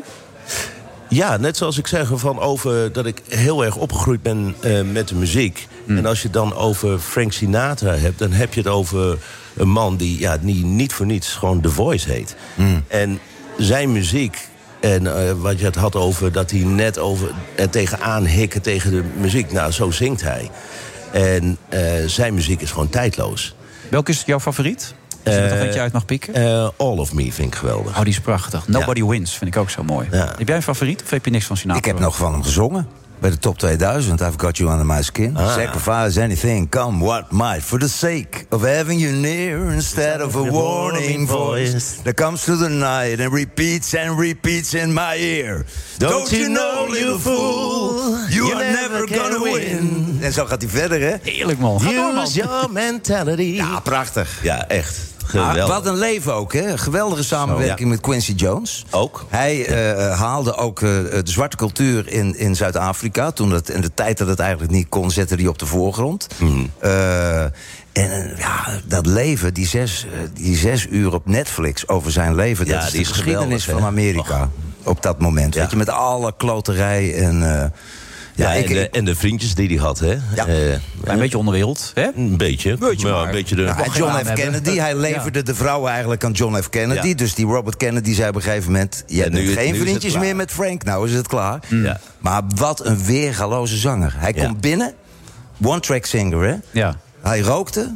Dan een maand Ja. op voorhand eh, stopte hij met roken en begon hij eh, een beetje te dampen. Mm. En dan kwam hij binnen. En, en dat was zijn kracht met dat orkest van Nelson Riddle of met Quincy Jones. Daar zit je met, ik heb het ook eens met het Metropool, zitten er 60 muzikanten naar je te kijken. Daar moet je gaan. Ja, dat moet je. En hij had gewoon het ding van dat iedereen wist, hij, heeft, hij gaat maar één keer zingen. Dus al die Ja, muzikanten one moesten... take Charlie. En hoe deed Jim het dan gisteren? Ja, geweldig. Eh, Jim, Jim eh, ja, het is En jij geen... zegt Jim, ik zeg Jim, maar dat maakt Ja, niet uit. ja, ik nee, zeg ook Sergio, jij zegt Sergio, dus ik zit ja, nee, in de het is, helemaal goed. Ja? Eh, nee, maar Jim die, eh, die, vertolkt het gewoon, die vertolkt het op zijn eigen manier. En eh, dat vind ik ook echt heel erg goed. En het, het, het past in het hele geheel. Eh, we, gaan hem, we gaan hem niet nadoen. We doen gewoon een eerbetoon aan Frank Sinatra. Ja. En eh, ja, wat ik vandaag ook een beetje gelezen heb... dat mensen, sommige mensen hebben van... ja, of gisteren was het ook al van... ja, dan moet je niet aankomen. En, Ah, dat is niet waar. en ik denk echt van... ja, jongen, we maken gewoon een hele mooie show. En eh, ja, wij genieten ervan. En ik hoop gewoon van dat mensen er ook heel erg van genieten. En dat hebben we gisteren ook gemerkt, hoor. Dat was echt de zaal... En jij, jij vertelt eigenlijk Ja. een beetje zijn levensverhaal. Ja. Wat Ja. vind je de meest eh, mooie, het mooie moment in de voorstelling om te doen? Nou, eh, er komt een eh, stuk in voor hè, over van hoe close hij was met JFK. Ja. En dat hij zelfs op een gegeven moment zou JFK naar Palm Springs komen om bij Frank Sinatra te gaan slapen. En had hij, eh, dus dat was duidelijk, heeft hij zelfs een landingsplatform laten maken in zijn tuin. Het is niet waar. Voor, voor de presidentshelikopter. En op het laatste moment ging eh, eh, John F. Kennedy naar eh, Bing Crosby. Nee. Ja, dat is toch geen. Dan is Frank Sinatra toch een streepje beter. hè? Ja, ja, maar, eh, nou, maar dat, dat viel niet lekker bij, eh, bij Frank Sinatra. Nee, dat kan ik me heel goed voorstellen. Ik weet ik was zo gek, want vorige week zat ik hier met Gijs Staverman. Ja. Je hebt het net over je moeder, maar die vertelde mij ook verhalen over een pleeggezin. Waar je... Ja, ja, ja, ja dat, dat is ook. Ja, ik heb vorige week, twee weken geleden, was de week van de pleegzorg. Ja. En eh, die week heb ik geopend met eh Gijs Staverman en Lilian, die ook een, eh, een boek daarover heeft geschreven. Eh, ja, dat is een beetje mijn jeugd. Ik heb eh, in een pleeggezin gewoond. Ja, En, maar heel eh, goed dat je er wel aandacht aan besteed hebt. Want Heel, het ja, was nee, echt een dus ook. ik, ik wilde ook echt gewoon eh, een, eh, een positieve noot geven aan van ja, dit ben ik, maar Ja. hier kom ik wel vandaan. En ook voor pleegkinderen die eh, dat niet hebben en dat ze ook ergens zien van oh, maar dat had ik helemaal niet verwacht. Of Nee, hij staat nu met Frank Sinatra gewoon in theater. Daarom. Ja, nee, zo moet je bekijken. Zo kan het allemaal gaan. ja, een boek, eh, Ja. eh, de Frank Hoe heette dat boek ook alweer? Eh, de liefde volgens Hier. Sergio. Nou ja, ik bedoel, hè, voor de mensen die nou nu naar de Arco de Bruna willen... die kunnen nog snel even Ja, dat boek gaan halen. googlen. En als je die in één zin moet samenvatten, de liefde volgens Sergio. Eh, de liefde volgens Sergio is... eh, wat ik wil aangeven, de liefde is heel divers. En eh, ik pretendeer niet de wijsheid in pacht te hebben over de liefde. Hè, want heel veel mensen denken dat omdat ik first dates doe. Eh, maar ik wil juist de liefde belichten van hoe ik dat heb ervaren. En ik hoop dat mensen, als ze het lezen... want het zijn 25 onderwerpen die ik aansnijd... eh, dat ze zoiets hebben, hé, hey, daar kan ik me in vinden. Of hé, hey, doe jij dat zo? Of zo doe ik dat ook. Of dat ze daar wat van kunnen leren. En in het boek, en dat vind ik wel mooi, Stef... in het boek heb ik dus ook... eh, want muziek is emotie. Dus bij die, bij die verhalen over liefde koppel ik ook allemaal nummers. Dus ik heb ook een hele Spotify-lijst met, ja, gewoon... Cirkel is rond, jongens, als ik dit zo hoor allemaal. Dus ja, ik denk dat jij dat ook wel zou waarderen. Ik ga hem eh, bij Ja, deze. boek, ik, heb, ik heb heel wat te lezen. Televisieprogramma Sergio, Sergio moet ik zeggen, Ja. Vient. Ja. Bedankt dat je er was. Nou, geen dank. En eh, fijn dat ik er mocht zijn. Ja, succes. En heel veel plezier nog. Ja, dankjewel. Oké. Tot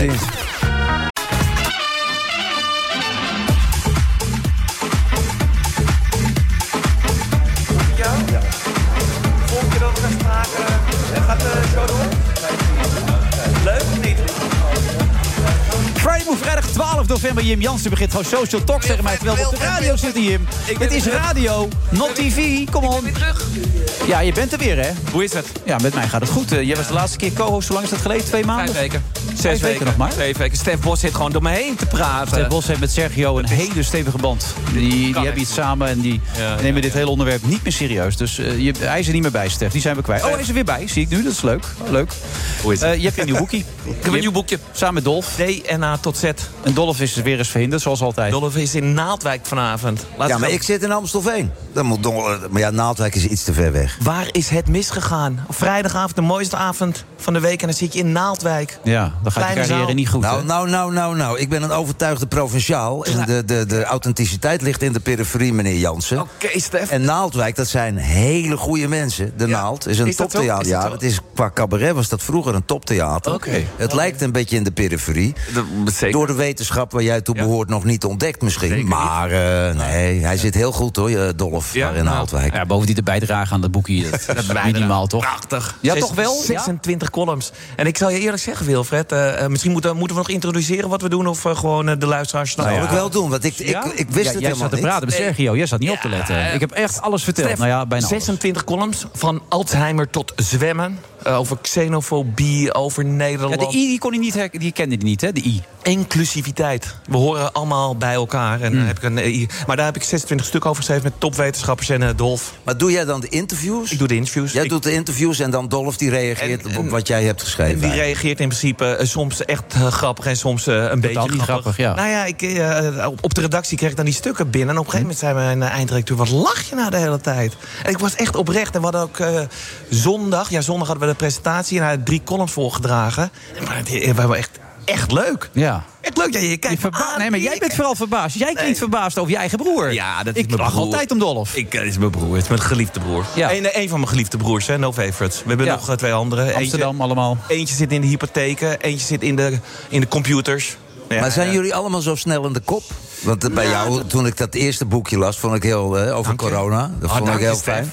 Je, je me- steelt mijn hart meteen. We Nee, kennen nee, elkaar nee, niet maar- en dit is meteen, eh, meteen goed. Ja, maar ik ken je broer. Oh ja, nou. Ja, Ik ken het theater in beetje. Naaldwijk. Dank je, Ja. dank je, dank je. Nee, maar het, is, eh, en het, het was heel leuk om te maken. En het was een beetje de Ramones. Zijn jullie daarmee bekend? Ja, ja. De Ramones, een 1, 2, 3, 4. En dan hebben ze 33 nummers op één cd. Zo hebben we dat eigenlijk ook gemaakt. We hebben gewoon eh, 26 columns, 26 stukken. Maar wat worden wij er beter van als mensheid, als we dat Ja, je- gelezen hebben? Wat, je- wat, schieten we ermee wel- op? Je krijgt echt wel inzichten, Wilfred. Ja? De, de D van dubbelsterren, dat is eigenlijk voorbij de zwarte gaten. Nou, daar is eh, Selma de Mink, is een van de beste onderzoekers eh, van Nederland. Die zit nu in... eh in eh, bij Want jij probeert wetenschap toegankelijk te maken. Dat is jouw doel altijd, toch? Dat is wat je eigenlijk wil. Daar ben ik al een Ja. tijdje mee bezig. Ja, en, daar zul je eh, nog een tijdje mee bezig blijven ook. dat, ja? nou, het is leuk. Laat zeggen, we kunnen niet zonder de. We hebben onze volgende gast straks. eh, eh, die, die, weet je, die, eh, je ziet hoe mooi en hoe belangrijk en hoe onmisbaar de wetenschap is. Ja, en dan eh, maken wij een boekje. En Marcel Levy staat er ook in. Wat, wat, wat is de insteek bij Marcel dan? Marcel is de N van Nederland. Hm? En die heeft eigenlijk Nederland beschouwd. Marcel Levy is eh, de baas van het NWO. Die Ja, verdeelt ja. eigenlijk het geld. En die, die, eh, die, eh, nou ja, ik, ik ben een groot fan van Marcel. Want hij is een hele goede arts. Hij is een goede wetenschapper en een goede bestuurder. En dan waar leg je de accenten Mhm. Qua geld? Dus weet je, ga je alleen maar onderzoek doen dat meteen iets oplevert? Of ga je ook eens een aantal wetenschappers laten zeggen, een zak met geld geven... en zeggen, hé, hey, zoek het maar uit. Visie, wetenschap, het Ja. kijken naar de lange En- termijn. Maar, Maar, ik heb een vraag het. voor jou als, als eh, wetenschapper komende uit een geniale familie met Ierse achtergrond. Jezus, Hè? jij weet alles van ja, mij. Natuurlijk weet ik alles. Hoe kan dit? Ja, ja, ja. Stef. Big Brother, weet je hoe ze die noemen in Afrikaans? Nee, mijn naam... Loerbroer. Loerbroer. Ja, loerbroer hou jou op. Dus Big Brother is watching you. Maar de, de functie van wetenschap. Want wij leven in tijden waarin wetenschap bijna religie wordt. Hè, in de coronatijd. hè. Dus dat, dat, je hebt ook eh, voor- en tegenstanders. Mensen met verschillende ideeën. Moet de wetenschap volgens jou een soort adviesorgaan zijn? Of, want we krijgen zo gommers hier. Of is het, eh, zijn het mensen die mede het beleid moeten bepalen? Want ik vrees soms een beetje... Ja, beleid vind ik, vind ik wel ingewikkeld. Wetenschappers moeten vooral wetenschap bedrijven. Die moeten vooral onderzoek doen. Die moeten, weet je, er is een verschrikkelijk virus en die moeten een vaccin Ja. vinden. Eh, die moeten, eh laat zeggen, eh, oplossingen vinden voor het waterprobleem. Die moeten kijken of we Mars kunnen koloniseren om daar ooit naartoe te gaan. Laat zeggen, dat het harde fundamentele onderzoek en ook, Wilfred, het praktijkgerichte onderzoek. Het praktijk, praktijkgericht is heel belangrijk. Je- nee, nee, ja, je neemt me nu weer in de maling. Nee, ik neem jou nooit in de maling. Nee, je neemt me echt Ik ben in de fan, maling. dat weet je, Jim. Nou, ik twijfel. Nee, nee, maar gewoon laten zeggen, hier in Amsterdam...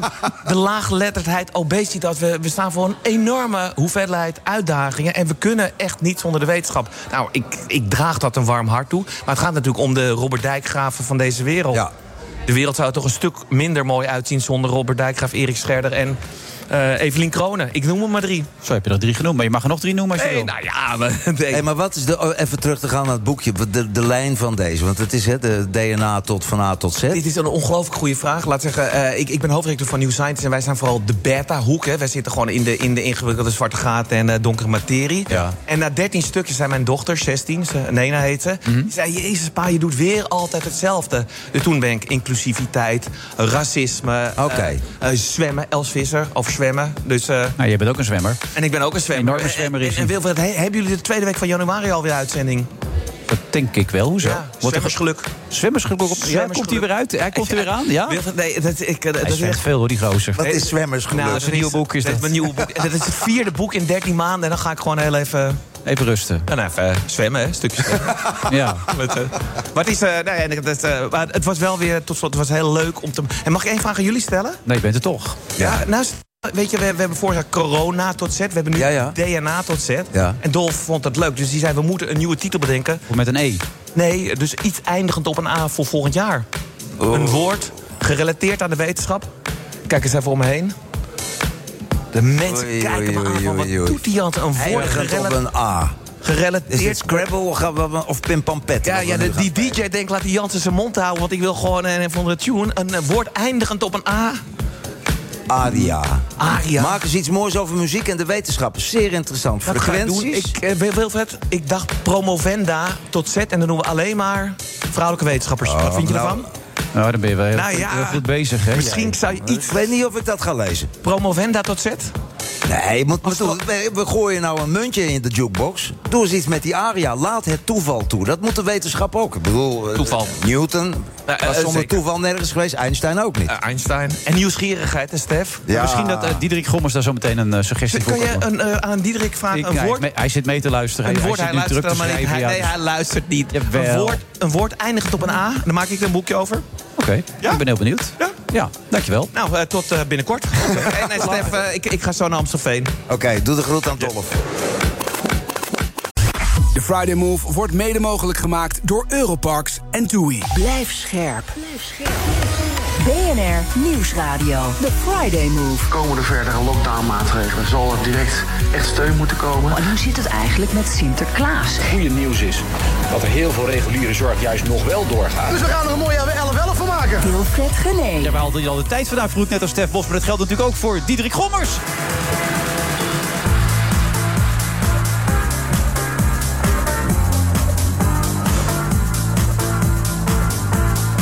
Dat allemaal op eh, vrijdag eh, 12 november. Toch ook weer een eh, bijzondere dag. Want we gaan zo meteen weer van alles nog wat horen. Meneer Gommers, hartelijk welkom. Hoi.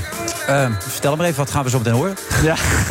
ja, zijn we er gelijk vanaf? Nee, nee, nee, nee. nee. Kijk, de, de, alle dingen lekken uit van het OMT, maar niet door de OMT-leden. Dus ik Maar ga... dat mag wel voor de verandering een keer. Nee, nee, Met nee. deze nee. gelegenheid, ik nodig u uit hoor. Ja, nee, maar dat gaan we echt niet doen. We gaan geen leuke tijd tegemoet, dat is wel Nee, duidelijk. het is vreselijk. Ja. Het is echt een lastige periode. Maar gek, want 2 november gaf u nog een interview. Daar zei u eh, code zwart. We zijn met 84% ge- eh, gevaccineerd. Code zwart is nog ver weg. We zijn nog een weekje verder en hè? het ziet er anders uit. Ja, maar, de- maar we wisten wel al dat we die kant op zouden gaan. En je hoopt alleen iedere keer als er maatregelen genomen zijn... dat die curve gaat afbuigen. ja, en nu laat het iedere keer zien, net zoals vandaag en gisteren... dat je zoveel besmettingen hebt. Ja, we kunnen het gewoon niet uitleggen. Begrijpen het ook eigenlijk niet. Waar komen die besmettingen vandaan? U kunt het niet uitleggen. Nee. Dan wordt het een probleem als u het niet Ja, maar dat is het ook. En daarom is het ook zo eh, ja, spannend. Omdat je, je, je ziet waar we op afstevenen. Dat is echt een zorginfarct. Dat gaat ook niet meer alleen over de IC. Het gaat over de gewone bedden. Het gaat over de verpleeghuizen. Het gaat over de huisartsen. Uiteindelijk ben je bang. En wij vanuit het ziekenhuis zijn echt bang of we half december nog gewone zorg kunnen leveren als iemand een ongeval, een hersenbloeding, een hartinfarct. Daar gaat het om. Het gaat niet meer over COVID. Maar u zegt na twee jaar eh, COVID, we hebben geen flauw idee wat vandaan komt. Dat nee, het is, niet, het is niet een, geen flauw idee waar het vandaan komt. Alleen je denkt iedere keer in februari dachten we als we zoveel, als we meer dan 70% gevaccineerd zijn, hebben we het onder controle. Ja. En dat virus verandert. Heb je een, een Delta-variant, dan zijn er zoveel mensen gevaccineerd. En nu zie je ineens dat volledig gevaccineerden besmettelijk zijn, maar nog niet ziekenhuisopname. Maar je ziet het wel heel de tijd nu toenemen. Maar is het Ja. om die Delta-variant? Want ik had vorige week Bert Niesters, die zei... als je je nu laat vaccineren, je wordt niet gevaccineerd tegen de Delta-variant. Zijn we niet gedisciplineerd genoeg geweest? Wat, wat zou het nou kunnen zijn? Dat moet toch een... aan- Nee, maar het heeft, ik bedoel, het eh, besmettelijke zieken heeft met ons gedrag te maken. En we hebben last van onze eigen cultuur. Als je kijkt naar Portugal, daar hebben ze uiteindelijk voor elkaar gebokst om 96% gevaccineerd te krijgen. Ja, en die kunnen nu alles versoepelen. Ja. En Maar dat, ook maar dat zit niet in onze cultuur. Wij hebben besloten, en dat, dat, dat, daar sta ik ook achter, dat mensen zelf moeten beslissen. Ja, en wat we ook aan maatregelen en QR-codes en wat we ook besluiten, we blijven hangen op 84%. En dat gaat, geen, dat gaat niet meer. Nee, die mensen die haal je nu niet meer over de streep. Maar denk jij dat, eh, eh, dat Portugal co- coronavrij zal zijn dan? Want bedoel- Nee, maar, maar niet coronavrij. Want je, je houdt altijd een x-percentage. Ik bedoel, het beschermt nu heel goed. 96% beschermt het dat je niet naar de IC. Dat betekent nog steeds 4% van de gevaccineerden heeft een risico. En dat blijf je houden. Dus we gaan nooit meer van COVID afkomen.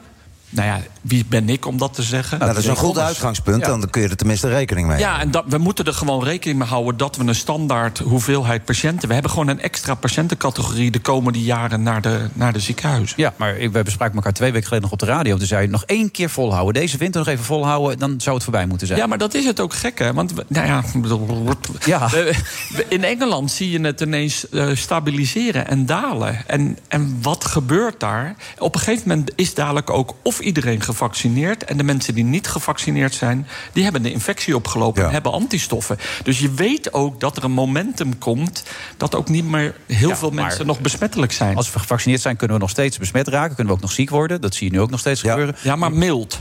Mild. Ja, de kans dat je Ik had Jack wordt- Jack aan de lijn van de week. Die vond het niet mild wat hij meemaakte Nee, terwijl hij dat gevaccineerd kan. was. Ja, natuurlijk. Maar dat bedoel, zijn ook, dus ik begreep ook dat die ernstig eh, COPD hebben. Dus onderliggende ziektes. Ja, dan is het ook anders. Dat, we hebben het dan altijd over de gezonde Nederlander.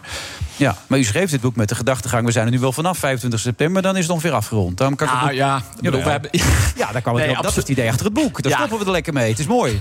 We houden Nee, dat, dat hoopten we ook. En, en natuurlijk is dat boek. Maar het boek was vooral voor mij om weer te geven wat, er in, wat ik een gekke periode ik heb meegemaakt. Anderhalf jaar. Maar ook wel om gewoon openbaar te maken. Wat heb ik gedaan? Wat heb ik zichzelf Welke besluiten? Ik zeg steeds u, mag ik je zeggen? Hè? Ja, tuurlijk. Je wilt jezelf verantwoorden. Waarom, Ja. waarom wil je dat? Nou, omdat ik merk dat ik eigenlijk een hele rare positie heb ingenomen. Ik ben voorzitter van een beroepsgroep. Ja, van IC. Ik werk in de intensive care. Daar is Ernst Kuipers mijn baas. Maar de dingen die ik gedaan heb, heb ik namens de MVIC gedaan. En ik ben geen- niet lid van een politieke partij. Hoef geen verantwoordingen af te leggen aan de Tweede Kamer. Maar wat toen dit- riep dat het niet tegen de avondklok was... dat het meteen met een beetje probleem was, het toch? Dat ja, nee, maar dat avondklok. gebeurt ook. En dat staat ook in het boek. Maar daarom vond ik het belangrijk om gewoon te zeggen wat voor spanningsveld ik zat. En waarom ik de dingen gedaan heb zoals ik ze gedaan heb. Niet meer, niet minder.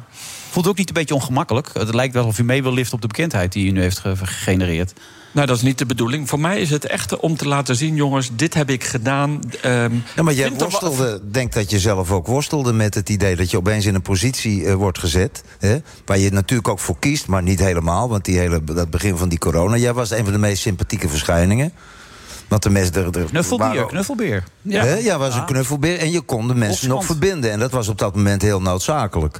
Maar wat je ook, dat denk ik, wat in het boek een rol speelt. Op een gegeven moment word je ook een pion. Ja. En dat heb je niet altijd in het begin in de gaten. Nee, nee, maar er zit ook een soort, eh, ja, ja, een soort ja, een dokter in die denkt van nou het komt allemaal wel goed. Of hè, ik bedoel, niemand heeft het verkeerd met mij voor. Maar op een gegeven moment word je ook onderdeel van het hele spel. En dat daar hoort ook politiek bij. Maar kun je dan nog naar jezelf kijken als je dat doet? Als je onderdeel wordt van het spel. Want daar hebben we het net over gehad. En we spraken ook met Nielefer Gundogan van Volt hierover. Eh, die zei, we hebben geen goede kapitein. Eigenlijk, dat zei jij. En dat, dat bevestigde zij ook. We hebben geen mensen meer die de juiste, de visie kunnen uitzetten. Maar dan maak je onderdeel uit van een beleid waar je van zegt... ben je er altijd nog kritisch dan, dan naar jezelf toe? Nou, maar ik was blij dat ik op een gegeven moment na vijf keer katshuis dat ik er daar afstand van nam. Want ik merkte dat je opgezogen wordt en dat je dan onderdeel gaat worden van de politiek. En ik ben niet van de politiek. Maar je vond het ook een prachtig jaar. Hoe noemde je het in het boek ook alweer? Moet ik even opzoeken hoor. Geweldig jaar, toch? Dit eh, om Ja, mee voor te mij maken. persoonlijk, ik heb ongelooflijk veel geleerd. Ik heb hele mooie Prachtige nieuwe periode. mensen. Ja, Ja. voor mij was het. Ik heb hele mooie mensen me- ontmoet. Ik heb dingen gedaan die ik nog nooit gedaan heb. Dus, dus voor mij als persoon was het een heel, heel leerzaam jaar. Ja, maar het klinkt ook weer heel gek. In een hele trieste periode natuurlijk. In een jaar waarin heel veel mensen leed hebben gehad, zwaar hebben gehad, ook economisch. Ja, maar dat is het ook. En Ja. dat is ook de, de, de, de, de contrast. En, maar dat is natuurlijk ook als dokter. Je kan als dokter een heel mooi vak hebben, maar er gaan wel mensen dood. Dat is mijn vak. Ja. En het is redelijk open. eh, Wat u ook schrijft, ook, je ook schrijft ook over het gezin. De familie Vlodder, las ik in de, in de, in de proloog. Ja, ook onze app heet de Familie Vlodder. Ja. Ja, waar het is de gedachte daarachter eigenlijk? Ah ja, dat weet ik niet. Heeft een van de kinderen ooit verzonden. Nou ja, Ja. we waren de familie Vlodder. Ja, en de, de kinderen zijn ook een beetje verdeeld. Zo'n Luc is nogal fanatiek, begrijp ik ook. Tegen het beleid ook, over het algemeen. Ja. Die wilde ook aan een interview niet meewerken, las ik ergens. Ja. En hoe is je er nu op dit moment onder? Nee, maar bedoel, als het dan gisteren uitlekte dat we naar de G2 gaan... dan is hij de eerste die in mij app, appt van... pap, dat kan toch niet waar zijn dat je je daarvoor sterk gemaakt hebt. Dus, dan is hij, dus hij is gewoon kritisch. Maar het is ook een... Ja, ik bedoel, hij is 22 jaar. Dat is mooi om als vader en zoon... de- Absoluut. goede, Dan goede heb je- discussies met Dan elkaar heb je te ze hebben. goed opgevoed, Diederik. Want Ja, stel je voor dat ze het de hele tijd met je eens zijn. Dat, eh, dat probeer ik mijn kinderen ook... eh, Maar wat vind je van de mensen die kritisch zijn? Ook over de bijwerkingen, over de, over de, de, de ingrepen, de afspraken. Die, die zeggen, ja, maar hier geloof ik niet meer in. Ja, maar ik vind dat ook goed. En ik, en ik, ik merk dat ik behoefte heb, met de kleine beetje kennis wat ik heb, om het dan te blijven uitleggen. En mensen staan er vrij welke, wie ze geloven en welke informatie. En ik. Ja, ik heb geneeskunde. Maar mensen worden weggezet als wappies als ze kritisch worden enzovoort. Die worden gelijk in een hoek Ja, maar niet door mij. Jij kan naar ze luisteren. Je, je Ja, neemt nee, ze serieus absoluut. ook. Nee, ja, maar ik heb absoluut discussies gevoerd. En ik, heb ook, ik krijg echt lelijke mails. En ik blijf ze allemaal proberen te beantwoorden. Hmm. Het lukt me niet altijd. Maar ik ga niet de discussie uit de weg. En dit is mijn mening. Ehm, en, en doe ermee wat je, wat je er wil mee doen. Ik bedoel, Diederik Gommers is ook maar een mening. En ik probeer het een beetje wetenschappelijk te onderbouwen. Met Ja. mijn beperkte kennis. Het klinkt heel bescheiden, maar je bent onder de weg ook wel een beetje in jezelf gaan geloven, lees ik in het boek, toch? Eh, Als ik het zo mag begrijpen. Dat je... Ja, nee, op een gegeven moment als je op een voetstuk gezet wordt... ja, tuurlijk ga je er af en toe in geloven. Maar je valt ook af en toe van je voetstukken af. En dat doen critici. En dan Over die lockdown, dat viel niet goed toen en werd iedereen nee, boos. Nee, maar dat was wel, was maar, ja, maar dat was wel overwogen. Ik vond dat het kabinet te laks was. En, ja, en toen dacht ik, ja, en nu pak ik mijn momentum... en dan maak je misbruik van de positie die je hebt. Maar ik vond dat dat toen nodig was. Ja, was het ook altijd even fijn? Want toen je op vakantie was, kwam je er pas achter... om niet herkend te worden hoe lekker het was, toch? Ja, ja. Ja, maar dat is het ook. Ik bedoel, mensen zijn hartstikke aardig. En, en, en eh, ze zeggen je allemaal goeiedag. En iedereen wil met je op de foto. Was net hier ook. Ja, is, maar het is ook lekker als, het weer, als ik weer terug mijn oude leven heb. Ja, gewoon jezelf kunnen zijn. Wim Kief zegt altijd, vroeg of laat gaan we te veel in onszelf geloven. Herken je dat, eh, Stef? Ja, zeker in de muziek. En, eh, en je moet een paar goede docenten hebben. Kijk, je hebt natuurlijk een snelle mediatraining ge- eigenlijk gehad... voor iets wat je niet zag aankomen. Maar als je Boudewijn de Groot aan je wieg hebt eh, bij mij... en, en Raymond van het Groenewoud en Johan Verminnen... die wisten mij lang op voorhand, mijn vader ook trouwens al te zeggen... dit is de blauwdruk van het leven. Kijk uit voor ijdelheid, blijf altijd gaan voor de inhoud. Weet je, als je met muziek bezig bent, maar niet randdingen gaan doen... en dan word je goed op eh, een pad gezet. Maar de magie ontstaat pas, zei je ooit, als je het ego loslaat. Ja. Ja. En ik heb, ik heb veel gezien als, als observator. Met vrienden van mij zijn de meeste vrienden zijn acteurs in België. Dan zie je waar het soms misgaat dit jaar met mensen die. eh, ook een Mark van Ranst in, in België. Voor of tegen, dat doet er niet toe. Maar je ziet op een gegeven moment, die zit op een paardje. En dan kan het ook te ver gaan. Want die is wel politiek eh, gelinkt.